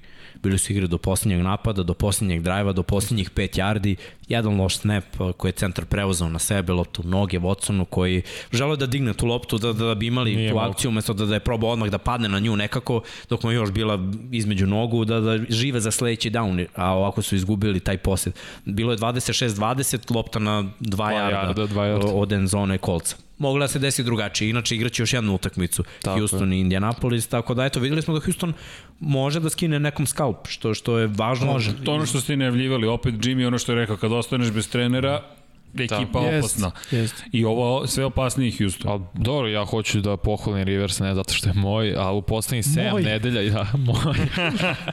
Vanja je jedan od ono 12 rodece. Da. Najstarije dete. Rivers u poslednjih 7, 5-2 kolci, 14 touchdownova, 4 brzečene i to je recept za njih. Samo igri siguran futbal i uvek će biti u igri kolci. Slažem se, slažem se. I naravno trčanje da, da, Da, da. forsira, ne, mislim, ne, ne pričamo ne znam kakvom forsiranju, odlična ofanzivna linija, trkači, tri koji mogu da se rotiraju, Taylor definitivno broj 1, ali i Heinz i Wilkins onako u tom miksu rade svoj posao. i- DeForest, Buckner. Igrać. Da, da. A, mnogo I, ali Indianapolis generalno dobija Houston 28-9 u njihovim međusobnim duelima. Nekako se... A nije fair da porediš, mislim, Houston je tek postao Dobro. franšiza kada je Indianapolis da. već imao Peytona Manning. Da, to je već bilo Dobro, ali kažem generalno kada Ali desilo pogledaš... Gledaj u skoriju istoriju. Izdvoji mi tamo poslednjih par godina statističarom. Da, nije statističar, nego šalim prosto zanimljive Da, jeste. stvari, je- nekako to, ipak to utiče na ekipe. Kad Jeste. znaš da ideš na ekipu Da. koja te uvek pobeđuje. Kada Houston gradi ime, kolci već postoje. Jeste. Kolci postoje još dok su bili u Baltimoreu, pa su sad u i Indianapolisu. pogotovo s Peytonom Manningom. To je bila... Ja I onda je vrlo. Ja bih samo istakao još jednu stvar, u tom drugom meču koji ih čeka međusom, misle će kolci da, ih- da, ih, da obrišu pato sa njima. Da igraju u Indianapolis, Da, to drugo. ne samo zato, ne mislim da su ovde malo uhvaćeni onako, da su ovaj meč vjerojatno ušli sa idejom ovo dobijamo i da su se za malo okliznuli. A mislim da u drugom meču, još kad bude bila za njih to mnogo bitnija utakmica sa aspekta play-offa, da se neće okliznuti i da neće biti 26-20, nego Moguće. da će biti onako dobra razlika za kolce. No, u svakom slučaju kolci beleže osmu pobedu, to je ono što je važno. Pri- Pričat ćemo o play-offu vrlo brzo, samo da završimo sve utakmice koje smo imali. Cowboysi, Ravensi, Očekivano. očekivano. Pa, Prosto ovde baš nije bilo nikakvog ni, Pa, ni, ni, ni ja bih razgovora. rekao odličan sparing partner za Ravens. A, Bukvalno u pravom trenutku, u pravom trenutku, ali to je ono što sam pričao o rasporedu. Rekao si da će raspored ra biti raspored tako. je tako naklonjen. Je, tako je. I nije samo njima, nego, nego svima koji su na severu AFC-a, ne samo u Baltimoru. S druge strane, evo šta bih rekao Cowboysima. Uh, dozvoljene jarde, posljednji u ligi. Uh, dozvoljene jarde Da. trčanjem, posljednji u ligi. Ubedljivo. Jarde po playu, posljednji u ligi. Primljeni poeni, posljednji u ligi. Na broj bilo koju statistiku defanzivnu.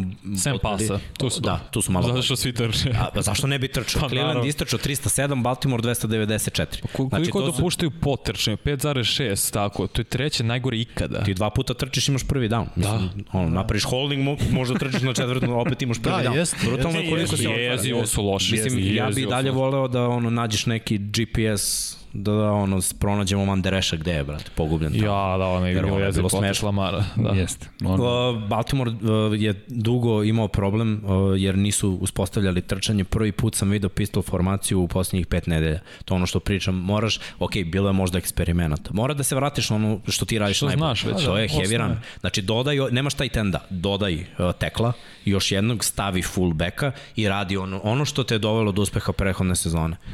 To je to. Ljudi, Preko tri... pričamo, izvini, o Baltimoru, to kako je suštinski obrisao Dallas, jednostavno stvarim partnera. Šta da kažemo za sledeću utakmicu? Bože, sramno. 45 Sramno. nula Patriotse, Chargers i Evo, mi nećemo ništa da pričamo.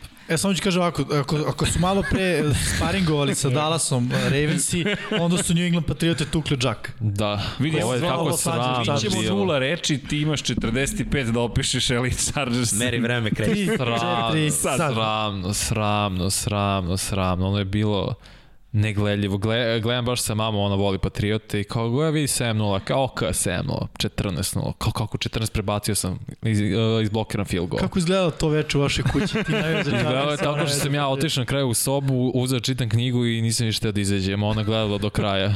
Ja sam samo pratio rezultat i on stiže na kraju četvrtine, ne znam kako bilo, 28-0 po vreme.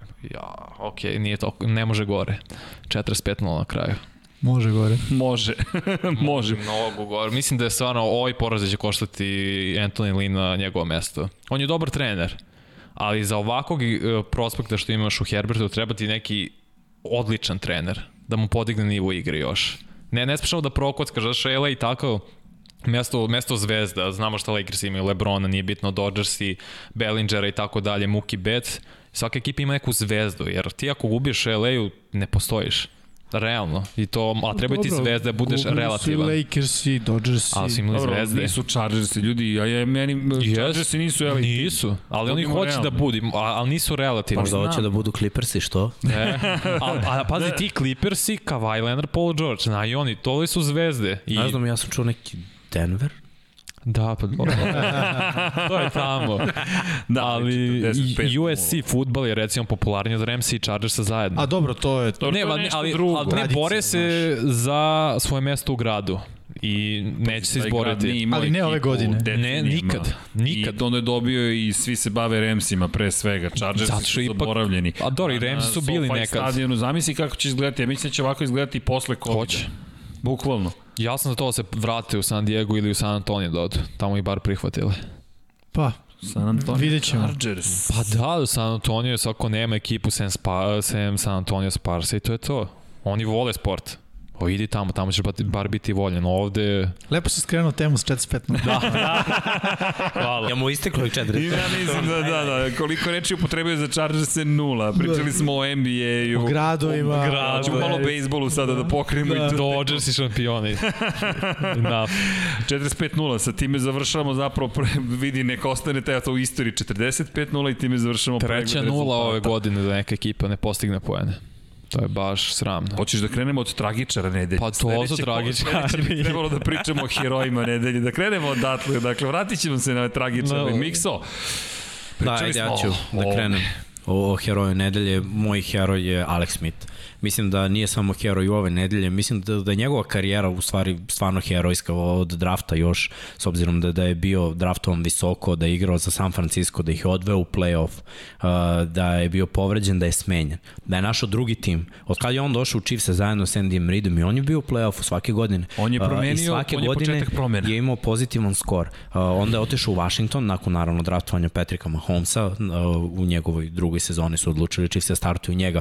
Ali Smith odlazi u Washington pre momenta one strašne povrede. Alex Smith je imao pozitivan skor, Washington je bio prvi uh, na istoku NFC-a. U svojoj karijeri 66% pobeda ima Alex Smith. Ove godine od kad još ima 3-1. I mogu da dobijem statistiku nazad, samo da kažem šta je sve uradio na ovoj utakmici. 31 od 46. Jeste bilo uglavnom po fletovima, ali bilo je malo i za Tomasa i za Simsa. Terry McLaurin je imao 14 yardi samo na ovoj utakmici je najbolji hvatač koji ima skoro 1000 ove sezone. Gibson se povredio u prvom drajvu, turf toe, ko zna da li će da igra i da li neće da igra.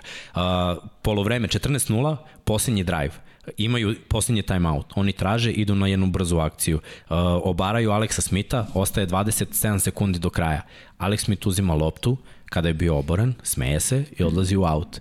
Uh, vreme otkucava, sudije traže loptu da postave da bi vreme krenulo, lopte nema, sudije prekidaju akciju, svi su već izašli iz specijalnog tima Washingtona na teren, traži se timeout, daju 8 sekundi, već svi stoje, znači holder već stoji, snapper sve, oni stavljaju novu loptu, jer gde je lopta, nigde nema lopte, Smith se smeje tamo na sideline-u, koliko, mislim koliko inteligentan potes. Da, ne, nisam siguran da bi za, za 25 sekundi mogli svi da istrče, da stanu, da sudije postave loptu, bilo bi ono napeto, plus naravno nije od kikera uh, da očekuješ da u tim si, znaš, sve je to nekako napeto. Ovo je bilo lagano, svi su se već postavili ta tri poena, plus onda uh, kako je utakmica odmicala u pravom trenutku, prava dodavanja, pravi potezi. Mislim, čovjek i heroj. Gospod, uh, nakon čovjek. one povrede, nakon svega, operacija, svega što je prošao emotivno, mislim, u jednom trenutku mogu da ostane bez nogi.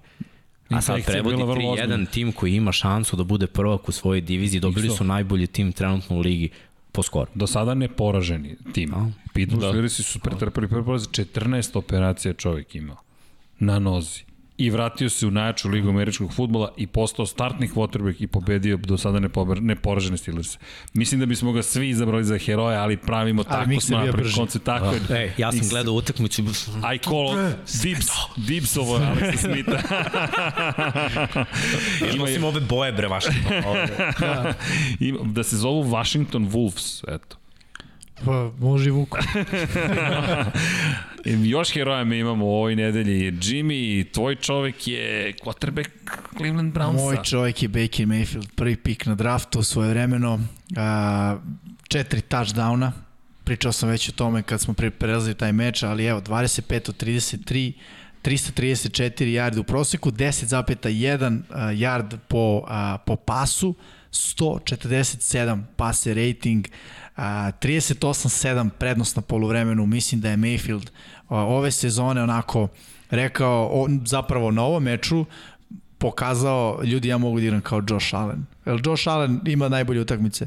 Ok, evo ja ću još jednu utakmicu. Ali da se, da se ovaj, osvrnem i na prethodne one nedelje, mislim da je ovo fantastičan nastavak i mislim da je Baker ove nedelje pokazao da je njegov limit stvarno nebo on kad je došao u NFL, svi su pričali o tome koliko je samo kompetitivan, kako se takmiči, kako se nadmeće, kakav je lider, sve pozitivne stvari imao nikako da dođe do izražaja.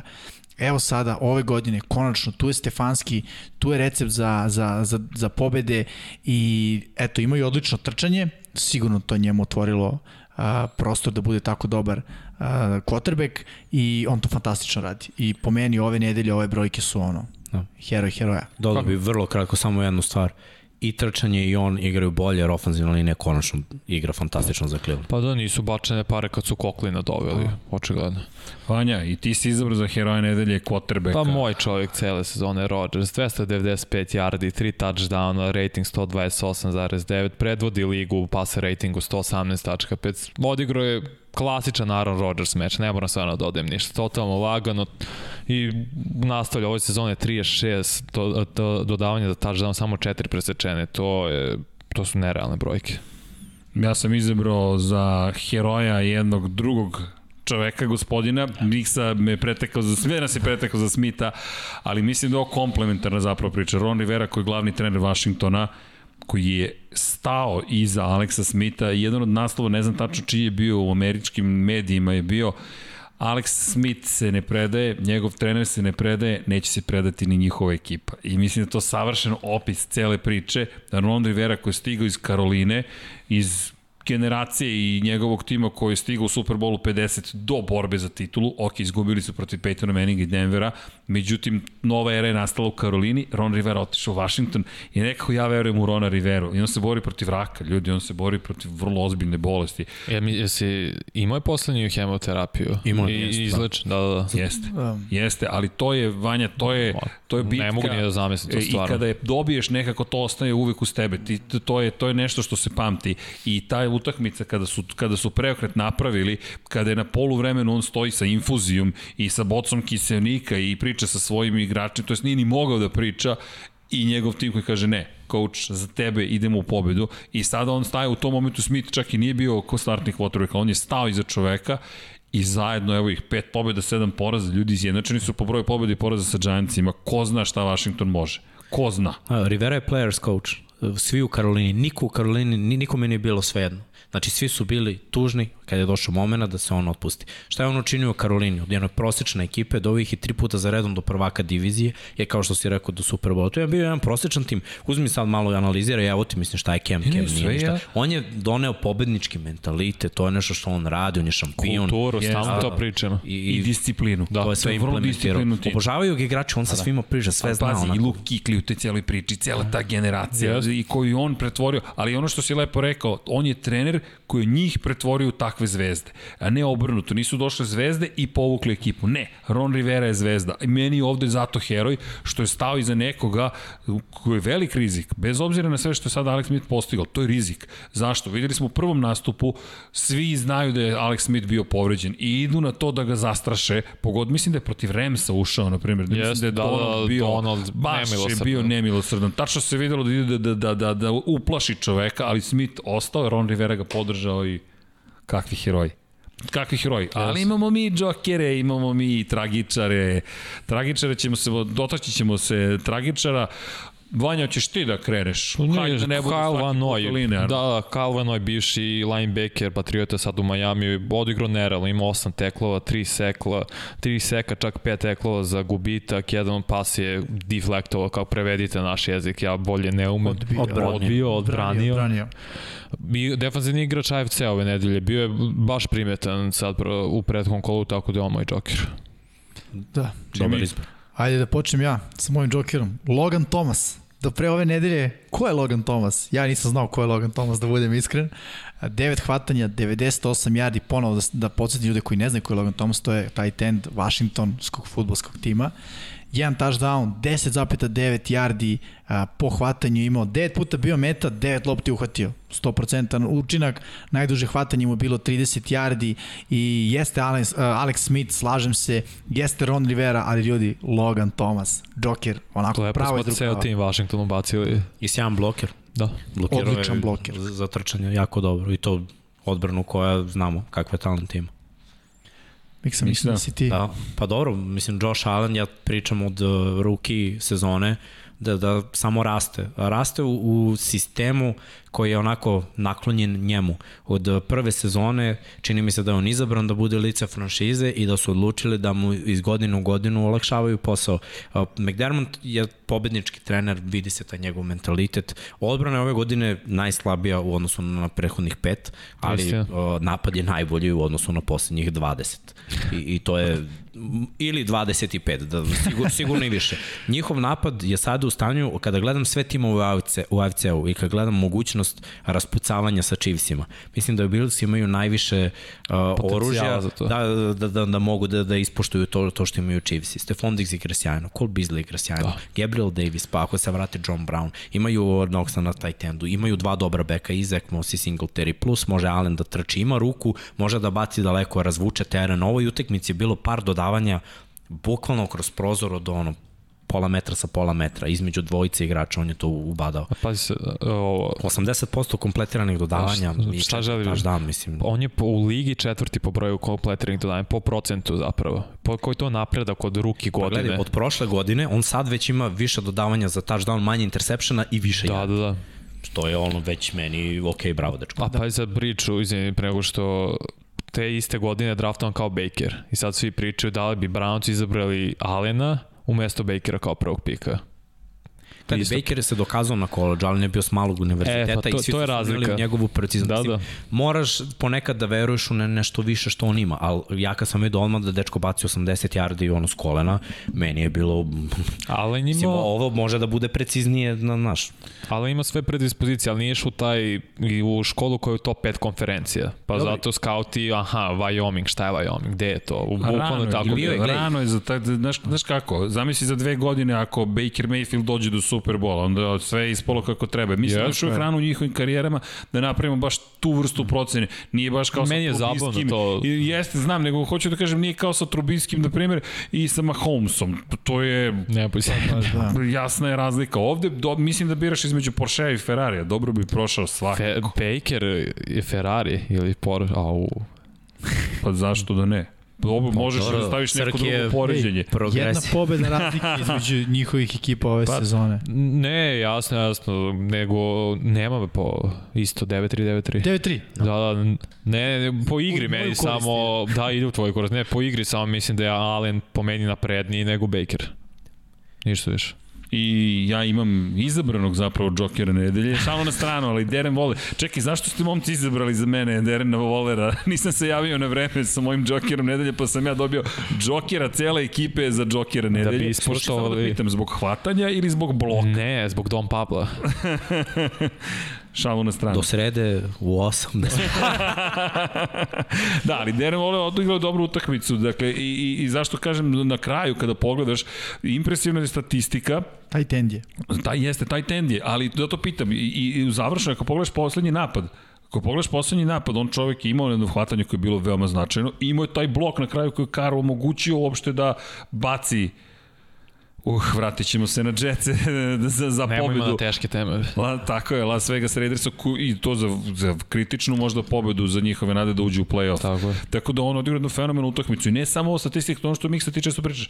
Statistika pokaže mnogo toga, ali ne može ti prikaže taj jedan moment. Niko neće se sećati tog bloka osim mi što ćemo pričati što je koga Jenkinsa, ja mislim da je izblokirao da, da, da ga spreči da dođe do kara. A to je isto jedna od važnih stvari. Tako da mislim da ste mi, hvala, dodelili sjajnog džokera nedelje i dobio, srećan sam prošao. Kada Yes. pogledaš ovu statistiku jeste super, ali ako smem samo dodam honorable mention, kasno sam O, da, da. poslao Da. informaciju. 45 sekundi. 40 sekundi. Matt Nelson. Matt Nelson, za one koji ne znaju, čovek koji je postao ofanzivni tackle, desni tackle i to igrao je protiv Kalila Meka za Detroit Lions igra. Prešao je sa, sa pozicije defanzivnog tekla na poziciju ofanzivnog tekla i to je meni nešto nevjerovatno. Vi ljudi to mnogo bolje znate, ali budeš defanzivni tekl, postaneš ofanzivni i da ti daju Kalila Meka i ti ga zaustaviš i utičeš direktno možda na kraju na taj preokret Detroit Lionsa i poraz šesti za redom Chicago Bearsa. Honorable mention. Respekt, Definitivno. Eto, to je to. Voler, poslednji tight end od Shannon Sharpa koji ima 10 plus hvatanja, 200 plus yardi, 2 touchdowna. A znamo šta je ovaj predstavljao nekad. Momci, I šta hvala. sad predstavlja?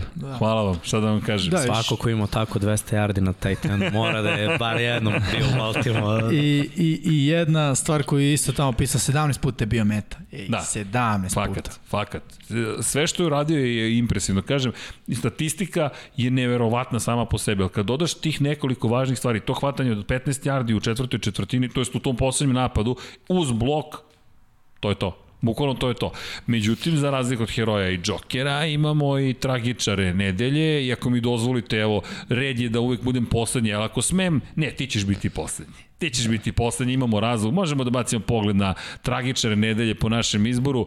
Miksa, ho hoćeš ti, Ne, evo ja ću do... Ne, mogu ja, pošto, pošto, pošto treba da ostane Jimmy na poslednjoj poziciji s odre- iz određenog razloga. New York Jetsi. I to je kraj. New York Jetsi. I ne zato što su izgubili, već zbog svega što smo spomenuli. Ako postoji zrno sumnje da je neko od njih rešio da planski izgube meč, To je takva sramota za jednu franšizu nacionalne futbolske lige, da, da nemam nikakve reči, da, i ove nedelje sam odustao od toga da ih biram, to im je kazna. Dakle, ne verujem im više. Meni je ono razočaravajuće, a da se uopšte o tome razmatra, nikada ne bih to razmatrao, ali kada pogledaš sve što se desilo, i slažem se sama, nije to tako lako, nikada nije crno-beli svet i to nije neka tamo tek ekipa koja je rešila da se poigrava sa svojim, sa svojim franšizom i kao što ste rekli, otkazi moraju da pljušti i moraju svi da odu ako su da, dozvolili da, da. da uopšte postoji takvo zrno sumnje. Jedan takav tim, bez obzira na sve probleme, ne može sebi da do, ne može sebi pa to da dozvoli. Nisi Bengals i Jaguars igraš u New Yorku. Ma neko god da si. Ma ne, ali New York. Ali slažem se, pride to, to i to je prva ekipa koja iz američke futbolske konferencije ikada osvojila Super Bowl. Ti imaš onakvu legendu, imaš Joe Namath u svojim redovima, imaš istoriju, tako je. I bez obzira na ono što se sada događa, ako to dozvoliš sebi, ti si za mene tragičar godine, a inače i da nisu dozvolili one tragedije, imaš prvu yes. pobedu sezone u rukama i ti dozvoliš Pre nego što ti ja ću vam kažem sramno, to je reč za Chargers i molim vas da idemo dalje, ne mogu što državam na ome. ne, ne, imaš, Sram. imaš dovoljno vremena. Ne, ne, ne, ne u redu je, redu, dovoljno je. Izražaja. Ne, sramno, sramno. Los Angeles Chargers su moji tragičari, nula poslednjih pojena protiv New Englanda, stvarno. Bill Belichick, apsolutni mag. Mag. Zaustavlja Mare jednu nedelju, pa sad Herbert mag. Molim vas, promenite kad. Miksa. Miksa, ti si izabrao ponovo quarterbacka. Pa, znaš kako, ko ima loptu u svakom ofanzivnom pleju, u svakoj akciji, u napadu. Imaš lošeg ofanzivnog linijaša, pomogneš, double teamuješ, dodaš taj tenda, dodaš running back. Imaš lošeg hvatača, staviš ga pored dobro.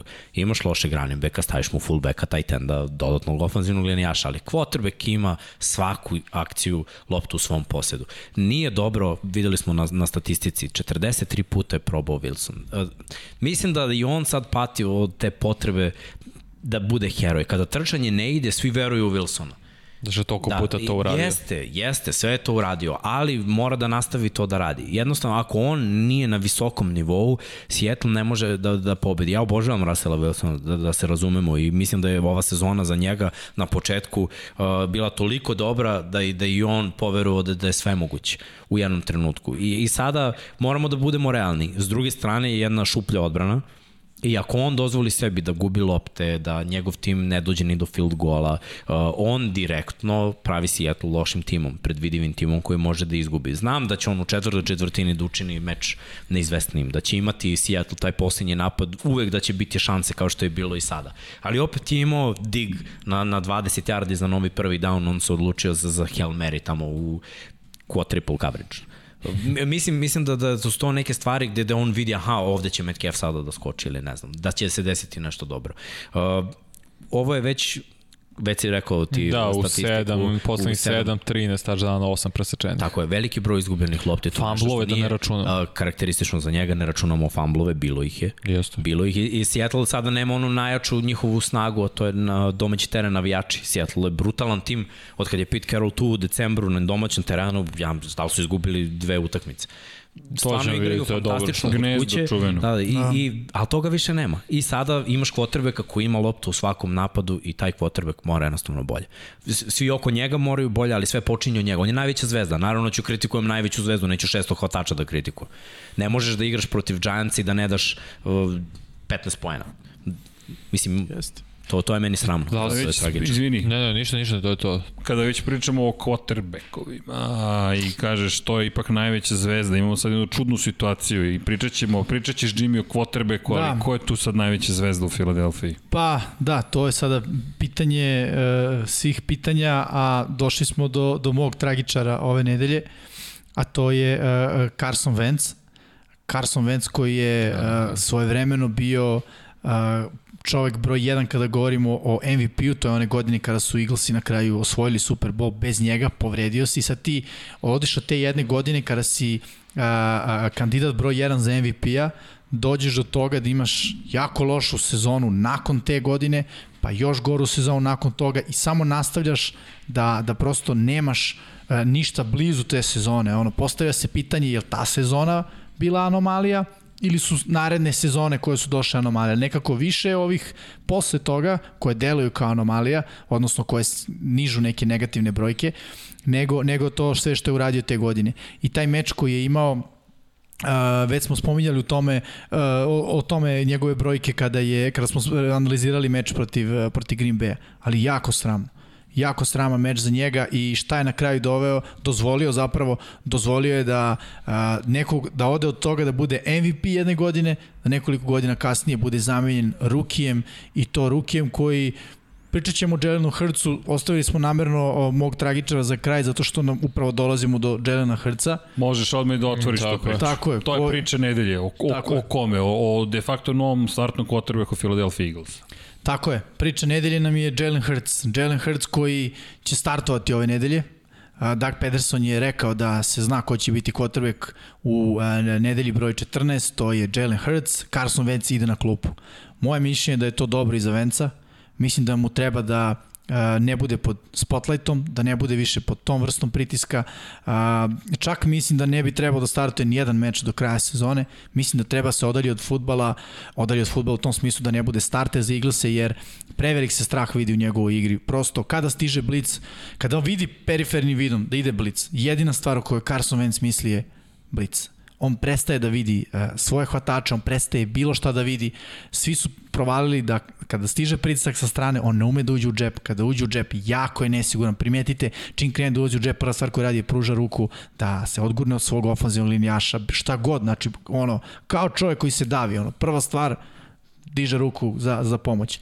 I kažem, mislim da je to dobra stvar, ali da se okrenem više ka Jelenu Hrcu, ko, za koga smo izabrali da, da bude priča ove nedelje. Ja mislim da će to biti dobra priča.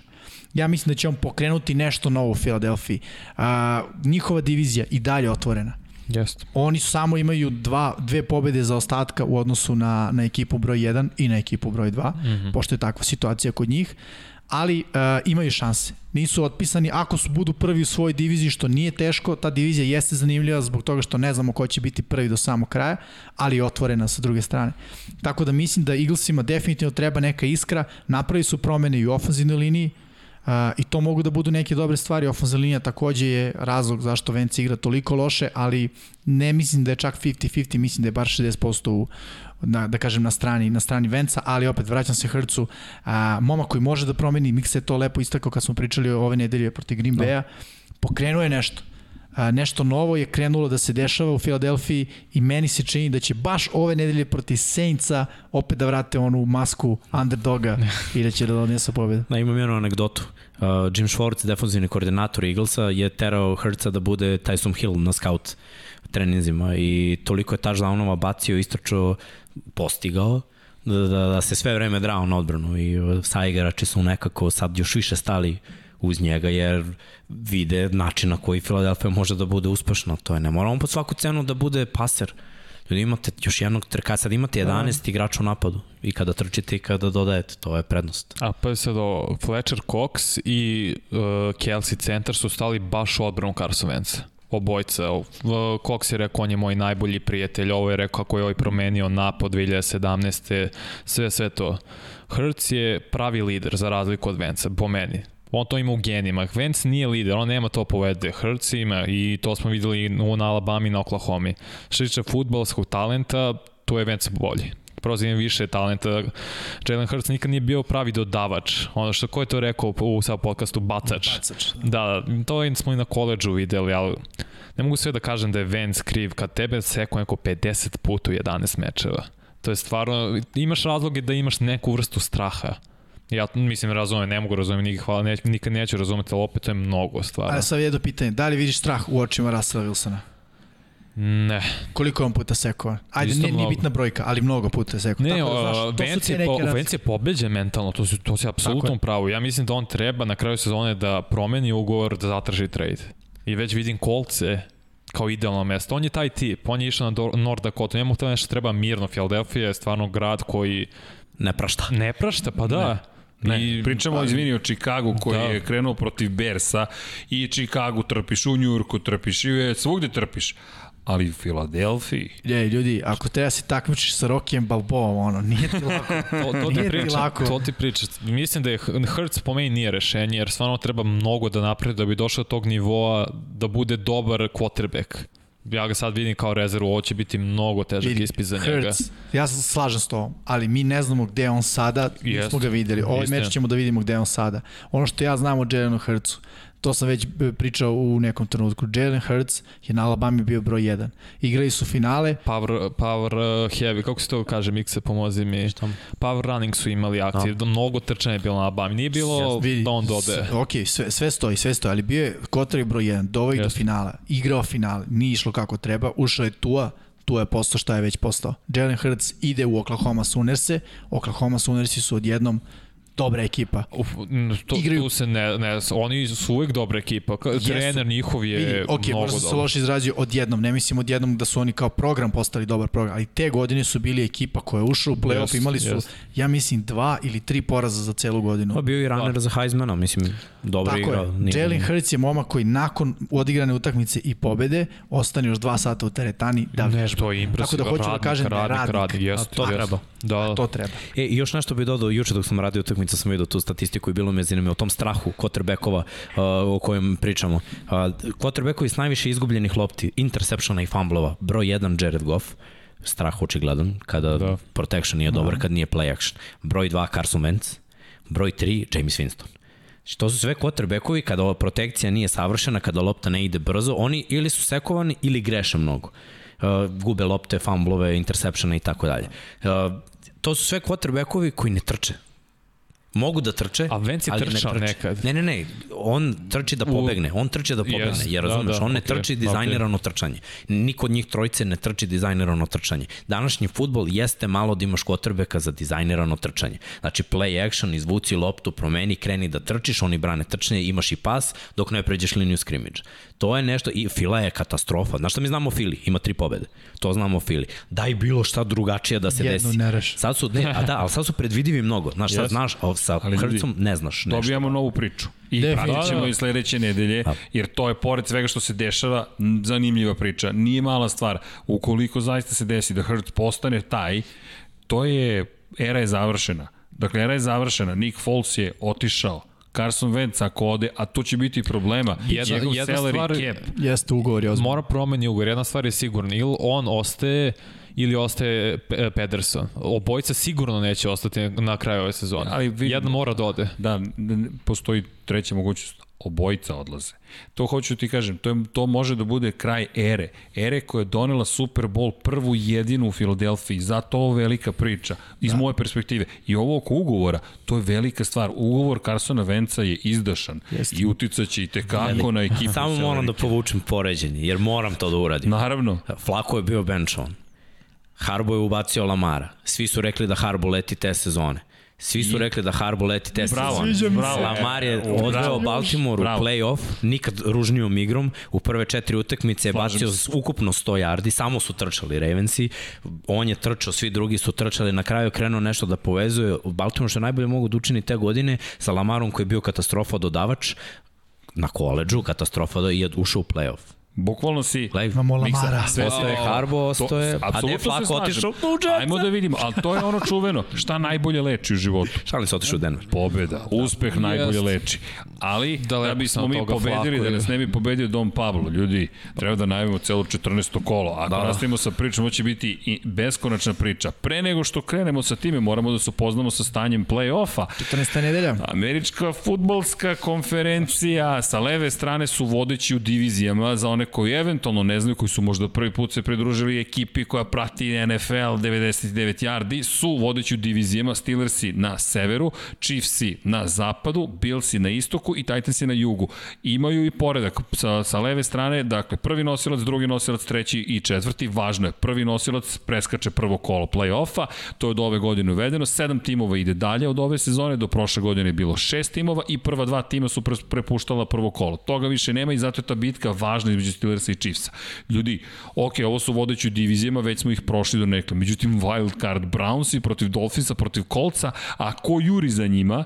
Raiders i Ravensi, pa čak i Patriota još uvek nekako, mada mislim da ovaj poraz Patriota Da. protiv Ramsa bio kraj suštinski. Da, to je doviđenja, jer devet pobjeda neće voditi u play-off u AFC-u. AFC-u, da, Jer vidimo teško. da već Browns imaju devet, Tako a je. da Dolphins i Coltsi ne dobiju ni jednu utakmicu do kraja, ili Baltimore i Raiders i dve, ni jednostavno nisu smeli da izgube. Nije realno, Da. nije realno. Ne, nisu smeli, a, a, a ozbiljno su poraz pretrpeli. Pri čemu mi u ovoj kolu najavit ćemo važnu utakmicu. Ovo zapamtite, Brownsi gde stoje i gde stoje Ravensi. Zapamtite, pogotovo meni to toliko interesantno. I da, i Coltsi i Raidersi, ali pogotovo iz perspektive tog divizionog rivalstva i ljudi tog duela koji, koji smo upravo spomenjali, quarterbackovi, ekipe, Sever trenutno izgleda zaista moćno u AFC-u. Ali vidi samo jednu stvar, sad mi je Naravno. interesantno. Sever AFC, Steelers, Browns, Ravens su nam na ovoj slici. Da. Ali je i istok, Bills i Dolphins i Patriote. Da. Mislim, A, s tim što Patriotsi, kažem, da, da, da. U 95% Minimalno, da. nemaju šansa da, da, da. se nađu u, u play-offu. Da bi se oni našli u play-offu, Dolphins i Coltsi moraju da izgube sve, a Ravens i Raidersi da pobede po jednu utakmicu, poslednja četiri. Biće, biće vrlo teško. Da, pa mislim postoji uvek, naravno. Nacionalna futbolska konferencija, kada govorimo o vodećima, mislim da je tu dramatičnija slika. Dakle, Giantsi koji su na četvrtom mestu kao, po- kao vodeći u diviziji, 5 pobjede, 7 poraza, Saintsi 10 pobjede za 2 poraza, Packersi 9-3, Ramsi 9-4, to su prva tri nosioca i onda Giantsi silom prilika. Pa neko mora rekao bude prvi bih, Neko mora da bude prvi u toj diviziji, ali Seahawksi, Buccaneersi i Vikinzi su trenutno u play-offu, Vikinzi sa 6-6, međutim Cardinalsi 6-6, Bearsi 5-7, Lionsi 5-7, ne, ne, ne, čekajte ljudi, pričamo o istočnoj diviziji NFC-a, u NFC-u mi imamo na pozicijama 9 i 10 dva tima koji imaju 5 pobjede i 7 poraza. E, Da, sada su uh, Washington, re- uh, Washington football team 12. ali ako se stvari dese suprotno, oni već na sledeće nedelje mogu da budu četvrti na ovoj listi. Ukoliko oni pobede Giants. Neverovatno. A pri čemu da. Bears i Lionsi su predstavnici severne divizije. Mi stalno kudimo istočnu diviziju, ovo su predstavnici severne divizije. Cela severna divizija, evo je Da. da, i zapadna, da, da, da. Ne, kada go, ovo je fascinantno. Packersi, Vikingsi, Bearsi, Lionsi. Od 10 Top timova, 10, sva četiri iz severa, sa severa kao na posle NFC, su tu. NFC zapad najjači. Da. da, da, da, da, da. Da, činjenica. A imamo samo, samo dva tima, ne, imamo tri tima, izvini, iz Da, da. zapada. Ramse, Seahawks i Cardinals. Tako je. Koliko imaju 49ers skor? 5-7. Isto kao ovi. Kao Oni ovi, su da. 11. Samo to da vam Da, da, da, tu su, da. Nemojte to Tu su, mnogo da, da, da, da. da, mi dižete ovaj Chicago. Ne bi bilo problema. Da me zamisli još da su se Jetsi tamo pojavili, šalim se naravno, to je nemoguće misli, samo čisto reda radi. U svakom slučaju, ovo mislim da je savršena slika za uvod u ono što nas čeka u 14. kolu, čeka nas mnogo toga. Da krenemo od prve utakmice. Prva utakmica koju najavljamo, Chiefsi protiv Dolphinsa. Već smo ispričali i kako izgleda ekipa Majamija. O Kansas City raspredamo priče već dve sezone za redom, branioci titulu ljudi. Ovo je velik meč iz perspektive play-offa. Mislim da su ove nedelje praktično svi mečevi veliki, kada gledamo i play-off i ovako zanimljivo, ali ovaj meč, uh, ne mogu da kažem jedan od najvećih, ali da kažem jedan među jednakima. Stvarno, baš ima dosta, dosta zanimljivih mečeva. Po meni Chiefs i favoriti, iako su gosti na, na, na ovom meču. A, međutim, i Dolphinsi, ne bih se iznenadio da to bude onako jedan ozbiljan otpor, Uh, ne mogu da vidim da oni po pobeđuju ovaj meč. Stvarno ne mogu da vidim da će Dolphinsi uh, pobediti u ovom meču, ali s, druge strane opet moram da se ogradim. Nije mi baš ono 99 Svejedno, prema da. 1, da. Više mi onako nekih recimo 85% Chiefs i 15% Dolphinsi. Pa, Da. a, ja bih iskreno samo volio da vidim neku odbranu koja nije unutar divizije u kojoj su Chiefs u zapadnoj diviziji AFC-a da, da odigra respektabilno protiv Chiefsa. Kada to budem vidio. A mislim da Miami ima mm. tu odbranu i da defanzivno ako spuste Chiefse kao na primjer što su radili Broncosi na 22 poena i, ili tako oko 20, taj napad i ima neku šansu Miami trčanjem da, da eventualno nešto uradi. Mislim da nije baš toliko taj odnos, ja, bi, ja bih stavio tamo negde 65-35, jer Miami i ima, Ima šansu. ima talenta, da. A međutim, naravno, fav- favoriti su mi Chiefsi. Da, Chiefs i deluju kao tim prosto koji teško može da izgubi bilo koga. Kada pogledaš ovo stanje u diviziji, tu, tu nema mnogo diskusije. Dakle, divizioni...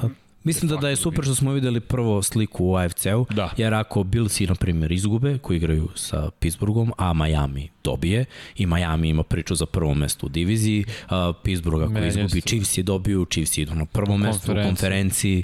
Uh, Da, svako ovde igra- Da, te, Da, da. te dve utakmice su tako spojene, ukrštene i to je baš super stvar. Lepo se komplikuje cela Da, da. priča, Da, da. lepo se komplikuje, ali Pa, to je ta lepota decembarskog futbola. napad Chiefsa od pete nedelje kao zvanično najbolji napad, ali, na, ali odbrana Miami je od pete nedelje najbolja odbrana i to je baš odličan, to je pa- plus Xavier Howard protiv Tyreek Hilla, milina, milina za gledati. Kelsey bi mogao da postane prvi igrač u istoriji NFL-a koji sa pozicije tight enda prevodi sve hvatače po broju uhvaćenih yardi. Pa Razlika između njega i Metcalfa je pet. Da, brutalno. Pa ti čuvaju double coverage Terika Hilla. Sve nekako u, u, u znaku broja 5. Idemo mi dalje, posle Chiefsa i Dolphinsa, naravno, Cardinalsa i Giantse, 6-6 protiv 5-7, kakav dul u nacionalnoj futbolskoj konferenciji, istok protiv zapada. Ko će? Pa evo, mogu ja, Hoćeš- pošto sam hrabar ove nedelje. To sam hteo da gledate. Vidjet ćete za Da. kasnije zašto je Da. Mixevo pripalo. Timovi imaju problema, i jedan i drugi. Uh, mislim da će Daniel Jones igrati, večeras će se to saznati, uh, tako da šta znam, ono što sam ja video za sad je da Arizona ide nizbrdo, a Giants idu uzbrdo. To je ono što pričamo, koliko porazi, koliko pobeda. Četiri Uh, za redom, izvini za Giantse, a, a da nije bilo onog Hail Mary hvatanja, Da, bilo Pet, bi pet za redom, pet za poraz redom za, poraza da. za- za- Dobro, za četiri od pet imaju Cardinals četiri poraza, to je mnogo. Giants imaju način, imaju dobru odbranu, krenulo je trčanje, Arizona ima neke rupe, nisam siguran da će Drake igrati. Sve u svemu meč koji mnogo znači. Zašto? Arizona dobije, ulaze u wild card. Uh, opet Giantsi izgube, Washington dobije, dovi, Giantsi padaju, ni- nisu više prvi u svojoj diviziji.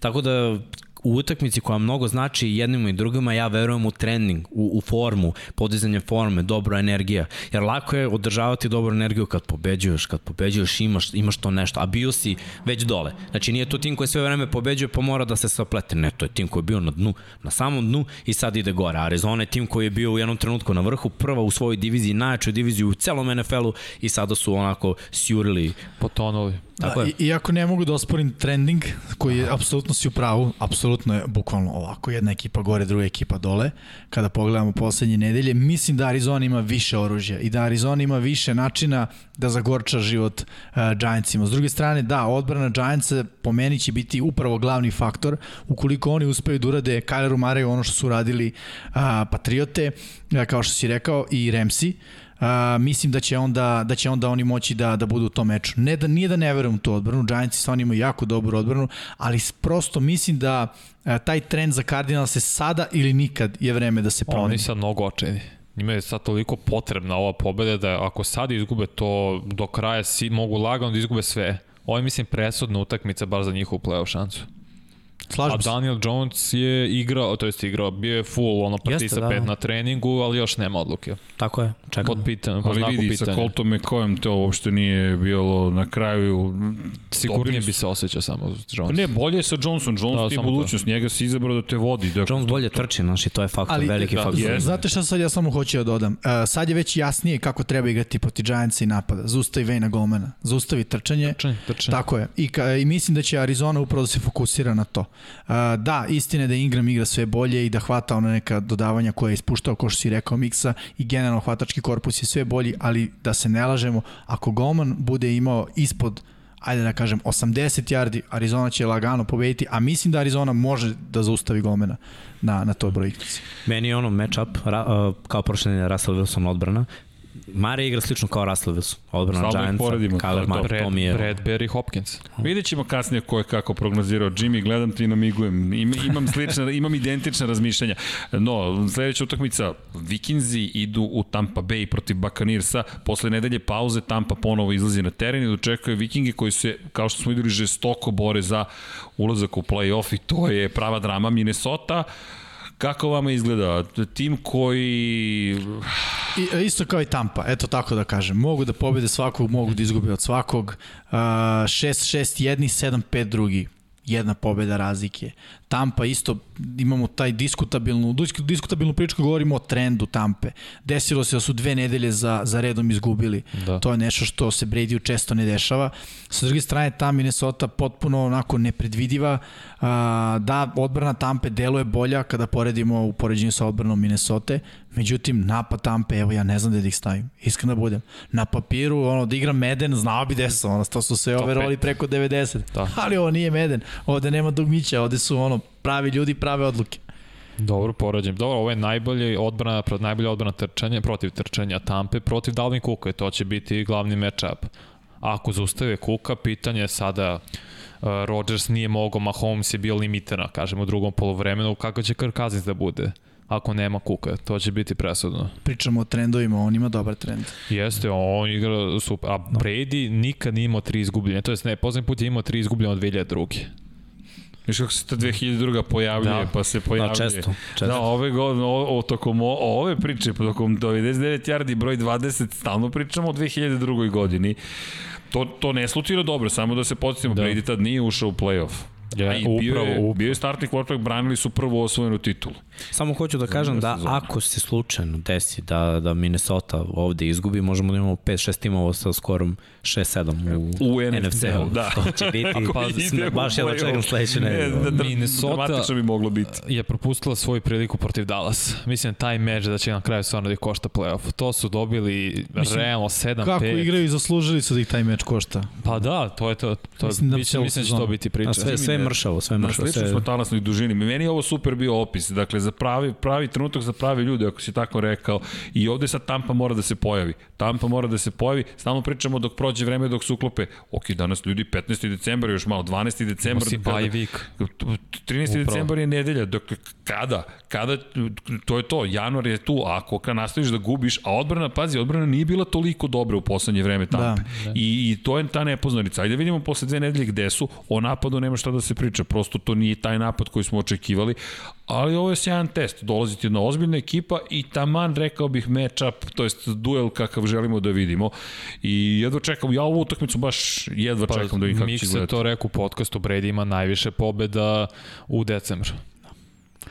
Jeste, Vreme Mislim, sada to pokaže zašto ja sam tako. iskritikovao Baksa, za mene su oni favoriti za, za, za, za dobijanje ovog meča Isto. i barem su mi onako 65-35 da kažem. Ajde da kažem 64 su u najgorem uh, slučaju za, za Tampu, jer mislim da uh, taj sekundari Minnesota nije toliko dobar da može da, da naudi Brady i kompaniju u napadu. Čekamo duel, jedva čekam da vidimo analizu sledećeg kola i ovo što je Miksa rekao kako bi moglo da izgleda slika. No, idemo dalje. Coltsi i Raidersi, opet o play-offu više ne moramo ni da pričamo. Podrazumeva se da je svaki, sad svaki duel, lepo si rekao Jimmy, duel za play-off, 8 pobjeda, 4 poraza, 7 pobjeda, 5 poraza. Idu u Las Vegas. Kada pogledate situaciju, dakle, Indianapolis Colts izjednačeni sa Tennessee Titansima, drama u južnoj diviziji, ali kada pogledamo sever koliko je tamo jak, ne smeš da priuštiš sebi poraz. S druge strane, Raidersi su se jedva izvukli protiv New York Jetsa i ono što ste već pričali, kako, šta, šta ćemo mi doživjeti od Raidersa u ovoj utakmici? A Raiders i dve, pre dva kola zgaženi od strane Atlante. I, sa, I oni sad, i ovo što pričam, igraju loše sad, oni su u nekom lošem trendu, a Kolci najbolje zaustavljaju tight endove. Samo jedan touchdown je postigao tight end protiv njih ove I sezone. moraš da trčiš protiv njih da bi ih pobedio. Da. Baltimore ih pobedio samo u drugom polovremenu i jako su gubili u prvom na trčanje. I onda posle toga tenis ih je Isto. dobio na trčanje i shvatili su, a ne, ne igra Jacobs. Znači Raidersi su oslabljeni, nemaju najboljeg igrača u, I u najbitnijeg. problemima Da. generalno. Tako je. Da. A- Tako da ni, neće biti lako. A odbrana Colts će biti jača, vraća se startni linebacker, tako da... I oni su u play-offu, imaju svoju sudbinu u svojim rukama Da. i moraju, mislim, oni jure to prvo mesto da bi bili sigurni u play-offu, a tenis igra protiv Jacksonville. Tako da s te strane, ovo je ono, moraš da pobediš. Mada, uvijek ta divizion rivalstva. Vidi, znam da tenis i svi gledamo kao sigurnog pobednika, ali Jacksonville je žilova ekipa postala. Jeste, Jeste, Pruža od... Da, da. Ali iz doče da igra za Indianapolis gledao bi ovo, ja moram pobedim, to je ono što ja moram Tako da je, uradim. tako A je. sad kako će oni da odigraju, I Gledaš sebe. Rivers dobro igra. Mada Rivers se čeka operacija posle sezone. Dakle, ne, koliko sam čuo, operacija ga čeka noge i to stopalo koje mu pravi Da. problem već nedeljama. To je ono što, što ga svakako čeka. Ali bori se, veteran ne pušta. da pa stvarno ne znam kad, kad, kad će opet imati onu utakmicu sa 100 yardi trčanja. Ne zezam, brate, čovjek se mrda po dva Jedva, metra u džepu, levo, jedva, desno i dole. Colts Igro je, čekaj, on je igrao, samo ti kažem, da je igrao bez prednjih ukrštenih ligamenata. Čovek je igrao. Čovek je Tako čelični da, čovek. ne, jeste, nego on, ne treba njemu, to je smešna povreda za Riversa. Kako to tako lepo kažeš da jeste, nego samo da konstatujemo da ga čeka operacija. Nije nešto što je naivno, nego će samo on to da ostavi sa strane. Može u januaru, februaru, bo- pa ako može u martu da to bude kraj. Vanja će da čuva ovo ostalo 11 da, da. ili znaš imena na pamet ili... Ne, ne mogu da naučim. Šalom na stranu, Colts i Raidersi, pratite, pratite, sve utakmice moraju da se prate.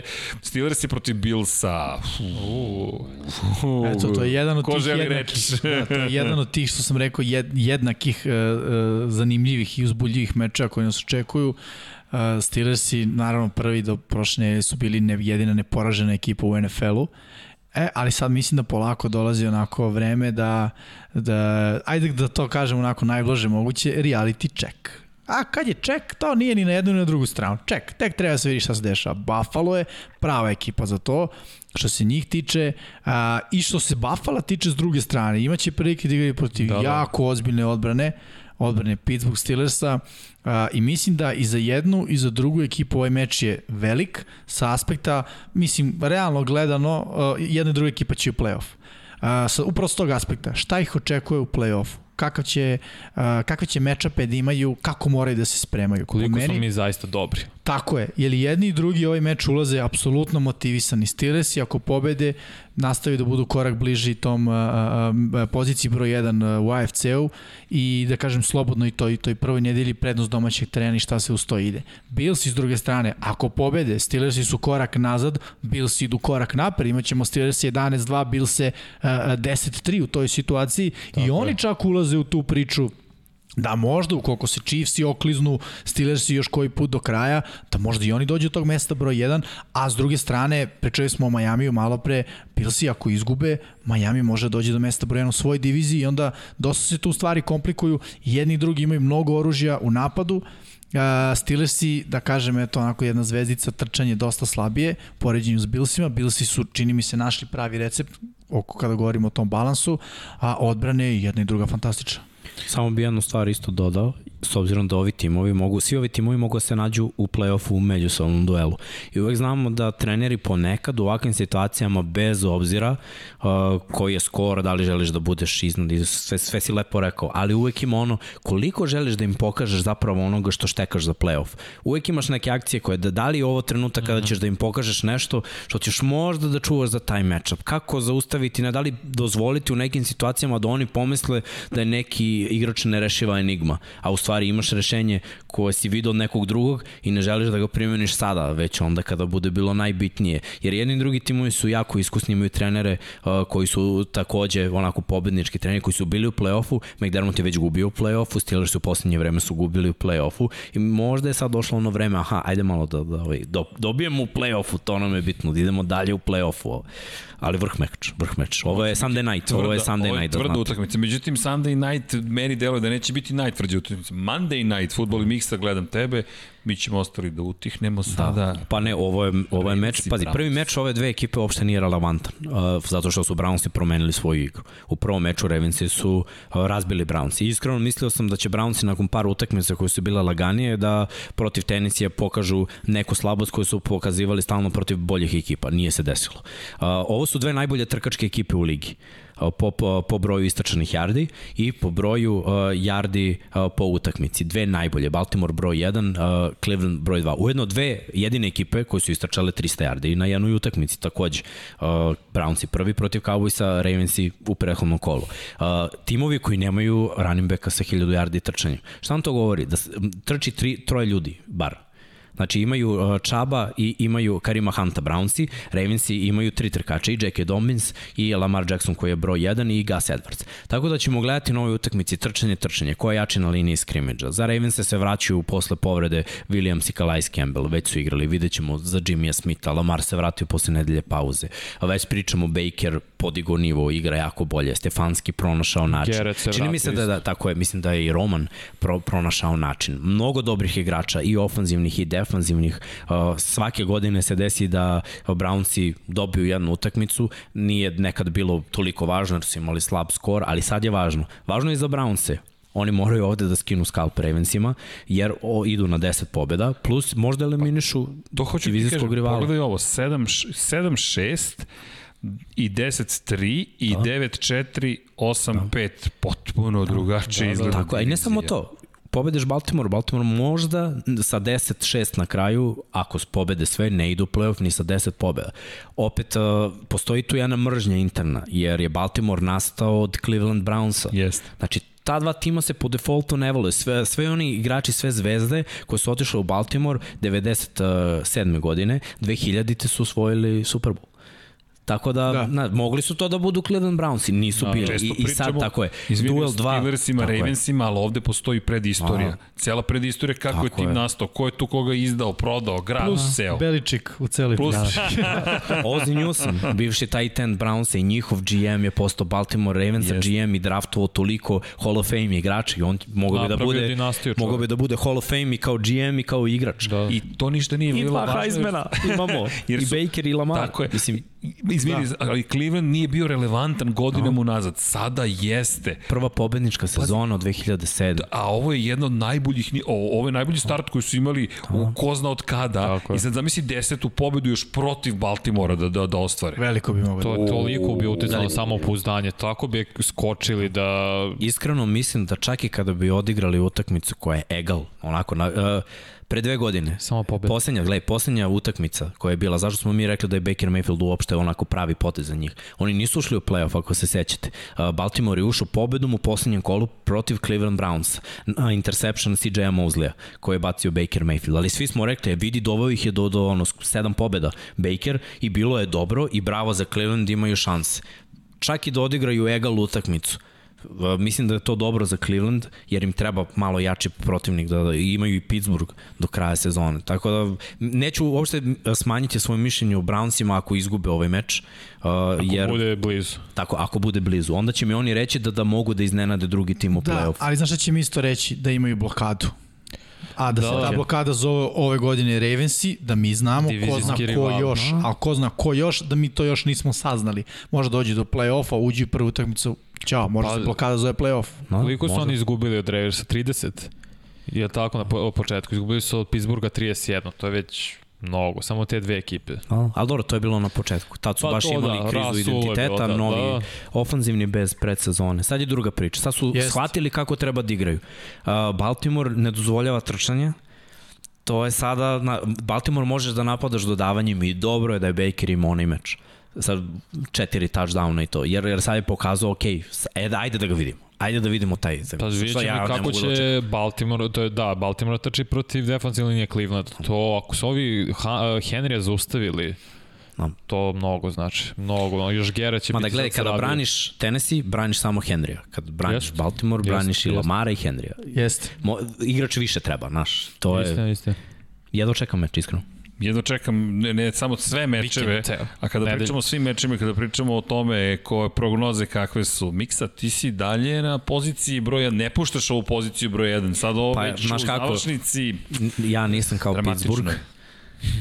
Imaš Ja. 10 više od mene. Imaš, da, čoveč. da, da. Znači jedino kolo da se napravi specijalno za mene, a ti da, ne se, ti da ništa ne pogađaš, pa da stigne možda. Znaš šta ti Jimmy još gore? Žuli i ja smo ti blizu. Ali sam ja i preko 60. Srđane. Vidi, čuvaj se, vidi, blizu smo ti previše, dakle, vidi, Vanja i Miksi se veju, mada Vanja kada je pripremao emisiju, nekako se kod Mikse poremetile prognoze. Kod Slučajno, probao je. Probao je. A, Pazi, ne, ne, nešto se desilo. Ali da, Miksa svaka čast, prva pozicija, 127 pogođenih rezultata, to jest i- ishoda utakmica 66 promašaja, Vanja 121 72, Jimmy 117 76, Žule 116 77 i ja 115 78 i hvala ti Jimmy što si istakao tu činjenicu da sam jedini koji ima manje od 60% pogođenih. E, zato služi prijatelj. Ovo nismo računali ovo cinoć Thursday night. Još nismo računali. Nismo, nismo. Znači još sam gori nego što ovde stoji. Da. Hvala ti. hvala, hvala Misliš ti da postiš nešto srđana? Pa i neću, ja sam bolji nego što sam bio. tu sam, izvolite. Ali da, da mi pogledamo naše prognoze. E, čekajte sada, da ovo 13. kolo nije bilo tako, tako loše za, za, za neki od nas. Međutim, da krenemo mi od Jimmya. Da, ja sam rekao da neće više sludim teorijama. Dakle, izabrao si Dobro. Atlantu protiv New Orleansa, svi smo bili za New Orleans. Da, pa bilo je logično, hteo sam da razbijem monotoniju. Šalim se, ne. Verovao sam da, da eto, Tyson Hill možda neće da toliko a, namuči tu odbranu Atlante. Ali na kraju su se poigrali Saintsi sa, sa njima. Mislim, to je ceo svet očekivao, samo eto ja nisam. Ali dobro, ne zamerite mi, čovek sam, grešim. Da, ali taj X stoji pored tvog imena Atlanta pretrpeo si poraz, ali častan poraz. počastan, Jedini hrabar si bio. Detroit protiv Chicaga, Vanja, Miksa, Žule su izabrali Chicago, Jimmy, ti si, you have chosen wisely, to često kažemo, Da. Detroit, Mix je rekao da više neće da bira Chicago. da samo gledamo u Miksu da Chicago se sada Strašno još zgrožen spominje. sam ti. Vanja, ti si sa Atlantom, pazi, ali moram priznati da sam primetio da si izabrao svoje vremeno posle one tvoje izjave, da nećeš više jednom nikada. sam pogodio više, to je to. U svakom slučaju da, pa, Jimmy, ti i ja smo pogodili da će Detroit ovde dobiti, i pogodili, znali smo to. Da, je, od To je- početka utakmice, ono, mislim, ja sam samo čekao zadnju četvrtinu. izvestan rezultat. Žalu na stranu, ali da, dobra utakmica sve u svemu. Cleveland protiv Tennessee-a. Vanja, ti ja smo birali Cleveland, Jimmy Mixa žule Tennessee. Ti ništa. Znali smo što bi ti Pa rekao. da vidi, zna, znanje, znanje. Prodao nas trending. Da. I onda Cincinnati protiv Miami. Ok, ovo je bio moj očajnički pokušaj sa Cincinnatijem da nešto postignem, ali... Ali nisi bio daleko. Pa mislim, smo. rezultatski tu. Pa Da. ti si bio bliže sa Atlantom onda.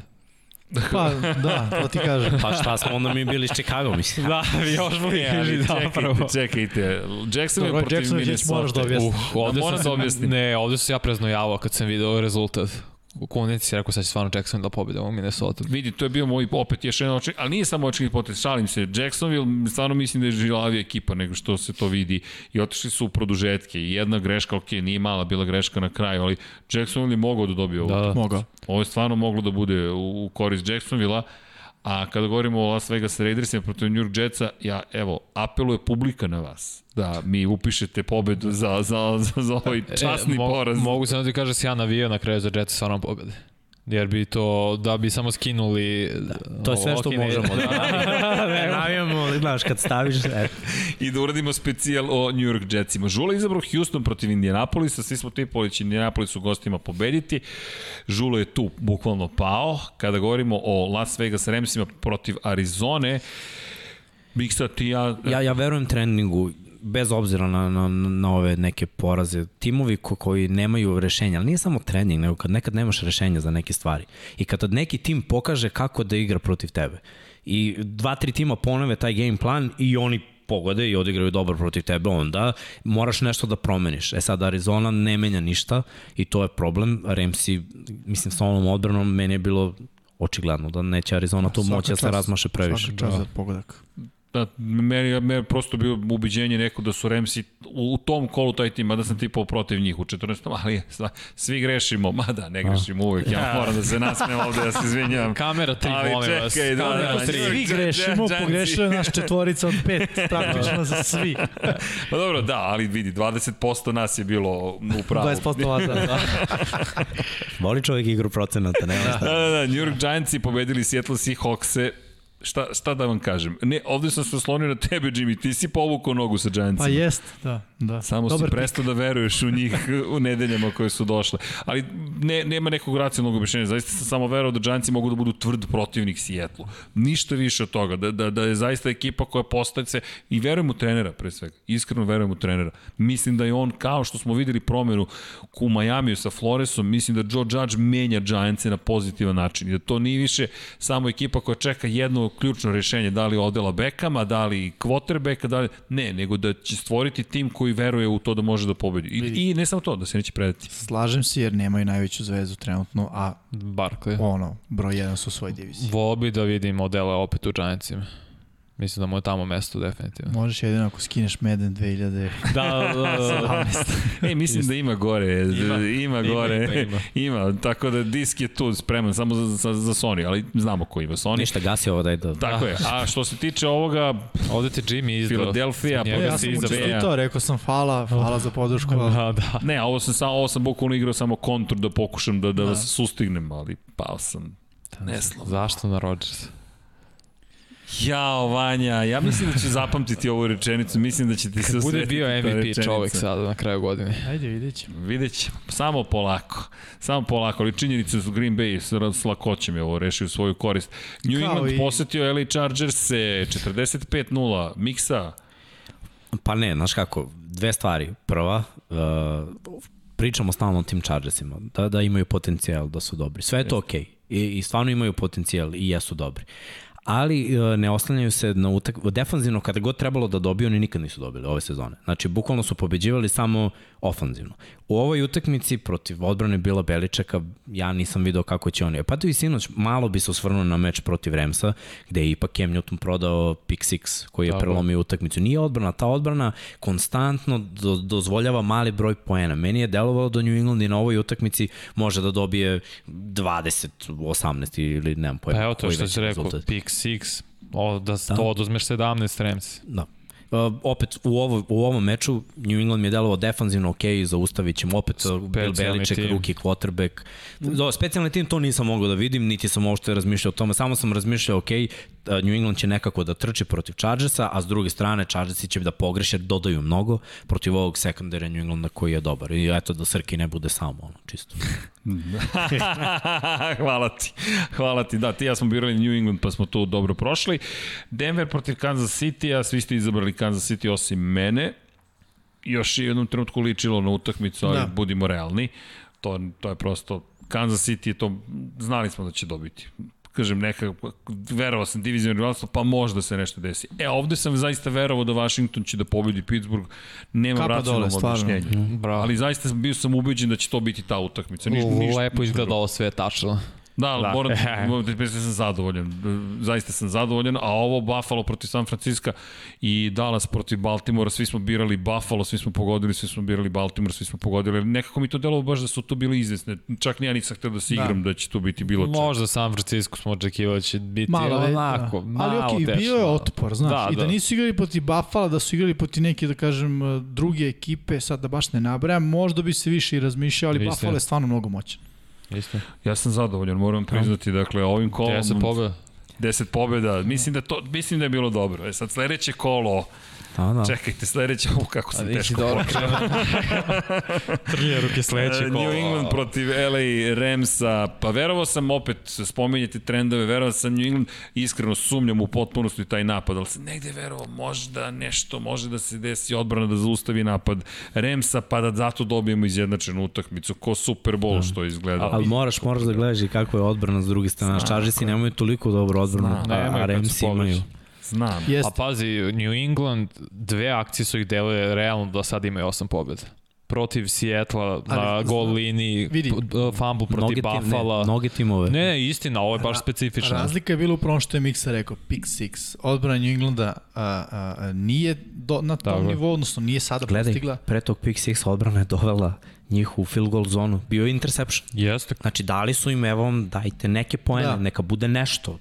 Dobio si loptu. 17 da poena. Da je odbrana New Englanda uh, preseka dodavanje, vratila za touchdown. Jeste, jednom trenutku se videlo da je bio down by contact. E, ali hoću da kažem, da drugačiji bi tok bio, mislim da je upravo ta, ta, ta uh, situacija na utakmici Pick 6 bio prelomni trenutak šta će se desiti, u čiju korist će da ode. Jesu Remsi bili bolji sve vreme, ali ako pogledamo neke brojke njihovih hvatača, odbrana New Englanda ih je zaustavili. Ja mislim yes. da je Bilova taktika bila, ako ćete da nas dobijete, dobit ćete nas na trčanje Akersa E sad, trčanje Akers, Akersa no, i bilo tu ključno, ne samo trčanje, hvatao je Akers, bio odličan, ali e, nekako kada se spremaš defanzivno za neki meč, znaš da ne možeš sve da zaustaviš i moraš da izazoveš ekipu i da kažeš ako ćete Pobedi da nas dobijete, dobit ćete nas tako i tako. Kao što je prošle nedelje bilo rekao, ako ćete da nas dobijete, dobit ćete nas na vašeg ruki kvotrbeka, E, ne, pa, niste nas dobili. Da, ovde je bilo 200 yardi trčanja. Na utakmici. Samo ću kažem ono što uvek volim kod Bila, uvek ću poštovati odmah posle meča da je rekao, ne, ne, Kem je naš quarterback. On će biti starter. I to završi svu konverzaciju o tome kraj. Da. Jako Pa bih ja volao više da vidim Stidama, iskreno. Mislim da i on To je da možda tačno, da. Hoću da kažem da je i on započeo ovu sezonu da bi bili u sličnoj poziciji sada. Pa bi, ne može gore od ovog. Osim onog sjajnog starta Kema na početku sezone i kako je predvodio ekipu, to bi to je bila razlika, ali opet pričamo o tri meča. Od COVID-19. Bukvalno Drugi čovek. potpuno drugi čovek. Ne, ne liči na onog samouverenog, sigurnog Kema Newtona koji je došao na osvetničkoj misiji sa popisom timova koji su odbili da ga Tako je. angažuju. Ne liči na sebe, liči na žalost na onu žalostnu verziju Kema Newtona. i- protiv Broncosa. Jeste. Super Bowl. bukvalno od tog momenta kao da se njegova karijera redefinisala. Ok, Kansas City odlazi u posetu Majamiju, svi smo izabrali Ovo izgleda Kansas City, dosadno. izgleda bukvalno dosadno. Dallas posećuje Cincinnati, svi smo izabrali Dallas, Tennessee posećuje Jacksonville, E, ovde sam mogao da ve, više vere pokažem u Jacksonville. Ali ja mislim da na Miami ne treba neko da pokaže više Da, vere. da. Mislim, ne moram ja. Dobro, jesu dozvoljene izmene, čekaj. Sad ne. Sad je ne. kasno. To, otišle. Dobro, gotovo. Trebalo onda Miami, Jacksonville, da, da nas ne verujem. Miksa veruju New York Giants protiv Arizone. U trening, da, da, to najavili smo i, i verujem, iskreno. Lepo. A zaista lepo. Ja, i, e, i, tim koji ne smem da spomenem, Vanja i Jimmy su izabrali Houston, posećuje Chicago, ali šalim se. Um, Vanja, Pa mislim da je ono baš, nemam neko sad objašnjenje, mislim da je Chicago bolja ekipa, jer ono Houston nakon ovog poraza, kad se vidio Dešona na klupi na kraju meča, da je to njemu toliko teško palo, mislim da ima i dalje malo utice zbog toga, ali mislim da će napokon odbrana Chicago da odigra bolje. Evo ja bih upravo rekao da, to da će odbrana Chicago izmaltretirati više napad Houstona nego što će, ne vidim kako odbrana Houstona da uradi Da. bilo šta, čak i napad u Chicago. Tako da to je bila moja logika iza, iza odabira Chicago, možda grešim, saznaćemo za tri dana. Teške reči. teški te, pričat ćemo sledeće nedelje. Neka ostane na tome. Denver posećuje Karolinu. Svi smo izabrali Karolinu. Niko ne veruje u Denver. Minnesota posećuje Tampa Bay, iako smo pričali da će ovde biti drame, i dalje verujemo svi da će Tampa Bay da odnese Pa pobedu. mora, mora to, ovo je sada njihovo vreme presudno, sad ili nikad, ako hoće napraviti neki ozbiljan playoff push. Sad su u playoffu, ali ako nastave, ako misle da nastave, ako ih pobedi Minnesota, Minnesota ima da u 7-6, Tampa 7-6, šta to znači? Da. Indianapolis posećuje Las Vegas Raiders, Žule čisto zbog Dom Pabla veruje Hvala u. Las Vegas Raiders, neko mora da veruje u Raiders-e. New York Jetsi, e nećete me prevariti. Idu u Seattle. Planski bih ih birao, ali sada, da- ne, ne, ne, ovo je bilo uvredljivo. Dakle, Lično. svako- Lično je. Jamal Za ovo- Adams igra protiv Jetsa, ja, mislim da će motivacija biti ono, Da, da, i realno ne vidim da Jetsi išli. Izgubili su od Giantsa, samo zbog toga motivacija bi trebalo da, da im bude. Da. Atlanta ide na Megdan LA Chargersima, svi Srđane, verujete u... Da, da se objasnim, pa, pa pazi, Atlanta, to je taj tim nema tu nekog racionalnog objašnjenja, mada kasno sam saznao da Julio Jones Da, ne igra. ja sam stavio Atlantu dok nisam saznao da Julio kad igra Julio. Ali pošto ne igra, da, ti si odustao od Atlante. Da, da, ne, ja u Meta Ryana ne verujem kad Julio nije na terenu. Kad je Nadležni Matt Ryan u frci, to. on prvo gleda da je Julio. Da, da. O, ja bih gledao prvo da je. Ali dobro, ja sam ostao pri Atlanti, pa neka makar taj trend zadržimo da sam negde odigrao kontru. Jimmy, Objasni je li ovo se. vera u svoju ekipu? New Orleans poseće Filadelfiju, jedini si izabrao Filadelfiju. Kombinacija, pa pa New Orleans, mislim, ne igra Drew Brees, nisu više toliko uh, eksplozivni u napadu, nisu, nisu toliko opasni, mislim, realno gledano. Uh, jeste odbrana njihova, uh, bit će veliki problem za Eaglese, ali kažem, verujem u Jelena Hrca, verujem, verujem u tu priču i ono, podržat ću svoju uh, ekipu. Evo su, ovde, tu su, evo su, evo su. Evo su. Eagles. Fly. Da, zima je, kapica je stigla. Ovde, pa dobro, ovde ima malo miksovanja stvari. Dakle, Green Bay u Detroitu, svi očekujemo da će Green Bay da pobedi. Dakle, tu verujemo i dalje i u Arona Jonesa i Arona Rodgersa i generalno taj tim. Washington protiv San Francisco, malo smo podeljeni tu Vanja i Žuli su za Washington, nas trojice smo za San Francisco. Vanja? Pa trend ovo što je Da. da. do sada miksa. Momentum je prosto na strani Washingtona sada. Jeste, samo jedna mana, zašto ja nisam ovaj verao bi Gibson. u Washington jako to je što Gibson ne igra, a Gibson je ono 100 yardi po utakmici. Bez njega, ja ne znam, oni u ovoj utakmici nisu mnogo trčali protiv Pittsburgha. Uglavnom Yes. su bile dodavanja za McKissick, on je tako igrao. mislim da će San Francisco bolje da trči svakako i da, da će to na kraju odlučiti. Dobro, Vanja, Protiv ove defanzivne linije. Washington? Uvek defanzivna linija, taj front seven je stvarno brutalan. Jest. Dobro. Lepo, Okej. vidjet ćemo. Da. Pittsburgh protiv Buffalo u Buffalo, svi ste birali Buffalo osim mene. Ljudi, ovde više vi trebalo bi nešto da kažete, 11-1 protiv... Videli smo 9-3. kakvi stoje 11-1. Samo to sama kažem. činjenica da ti koji imaš ispod 60% si izabrao Pittsburgh. ok, sada ću da iskoristim, ok, navijači Pittsburgh Steelersa. Ali Udrite Da po vas njima. čujem Ali, sada. slušaj, ali, ali baš zato što si to sve uradio, ja ne znam zašto sam ja izabrao Baltimore ovde s tobom, da, da, da tonemo zajedno, ali on, nema veze, imam tu, imam tu prednost, znaš, pa kao ajde. Vidite, ponovit ćemo jednu od izjava iz ove nedelje. Znali smo. Da. Znali smo, ali svi u Clevelandu očekuju pobedu Clevelanda, to je stvanje Jimmy Žule, ti i ja, Baltimore. Je li ovo na emocije kod tebe, Miksa, ili zaista A sad ili nikad. ok? No. To je to. Evo to je, ako izgubiš To je to. ovo, može da se nedelja- desi da ne uđeš u Ovo je play-off. nedeljak treba se podrži svoja ekipa. A, tako je, bre. Tako je, bre. Podržavaj tamo. Ti si podržao Chargers. Yes, podrž se I, a Chargers. kolce? Yes. Čisto da pitamo. Dobro, Riversa da- to su naš, da, naravno naše prognoze za ovu nedelju. Naravno, stavite vi vaše prognoze u komentare. To uvijek zabavno da vidimo ko je šta prognozirao, gde, gde smo, kako ćemo. Vidjet ćemo da možemo neko da organizujemo, da pratimo, ali činjenica je to uvek, uvek, uvek zabavno. Šta, ste, šta ćete gledati?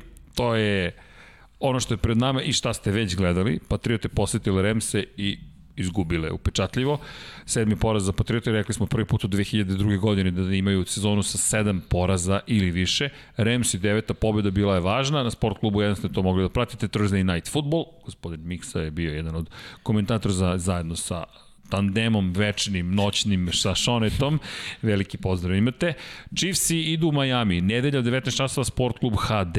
Vikinzi posećuju Bakanirse u isto vreme na Sport klubu 2. Već smo najavili ove utakmice taman pogledajte kako je NFL izabrao za evropsko područje da šta će se prenositi Kolci protiv Raidersa nedelja 22.05 Sport klub 2 Saintsi u Filadelfiji protiv Eaglesa 22.25 Kakav meč. Ko radi taj meč? Ko će prenositi taj E, meč? ne, ja, nažalost. Uh, da, Ne to, brini Jimmy Branić tvoju.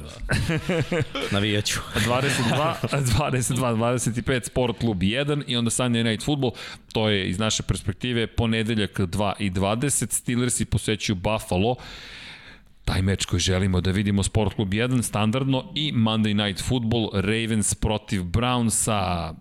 Utorak u 2 časa i 15 minuta Sport klub 1 dakle kakvi mečevi? Ja mislim da odavno nismo imali 7 mečeva gde Thursday Night Football po defaultu se gleda pa se gleda ali sve ostalo što smo najavili ćemo ih direktno prenositi jedva čekam zaista da. što da prenosimo, što da gledamo, što da pratimo, pogotovo u, u ponedljak na, na utorak nema spavanja. Nema, nema spavanja. Cleveland protiv Baltimora. Uhuhu. Ma da, ovi prvi termini. Ima još tu utakmica, rekli smo koji, Ima, koji ima. su dobre, tako da ako imamo 3, 4 monitora da sve to se popali. I puni Samo 16 gledaj. utakmica, nema ni jedna ekipa više ne odmara. Nema, da. dakle, to je to. 16 mečeva, 32 ekipe, sve izlaze na teren i to je taj Sad je početak kraja. Full go. To je to, početak kraja, ulazimo u završnicu sezone, imamo 17 nedelja, ovo je 14. pred nama još 3 i onda playoff. Šta da vam kažem, nadam se da ste uživali, YouTube subscribe standardno dugme, pa nadamo se da ćete nam se pridružiti na duže staze. Ekipa standardna, Vanja, Miksa, Jimmy, moja malenkost Srđan i vidimo se naravno u 99 yardi broj 21. Do tada pratite kolo i da vidimo naravno vaše najave, pišite nam u komentare. Veliki pozdrav ime cele ekipe, naravno Infinity Lighthouse i 99 yardi. Ćao svima.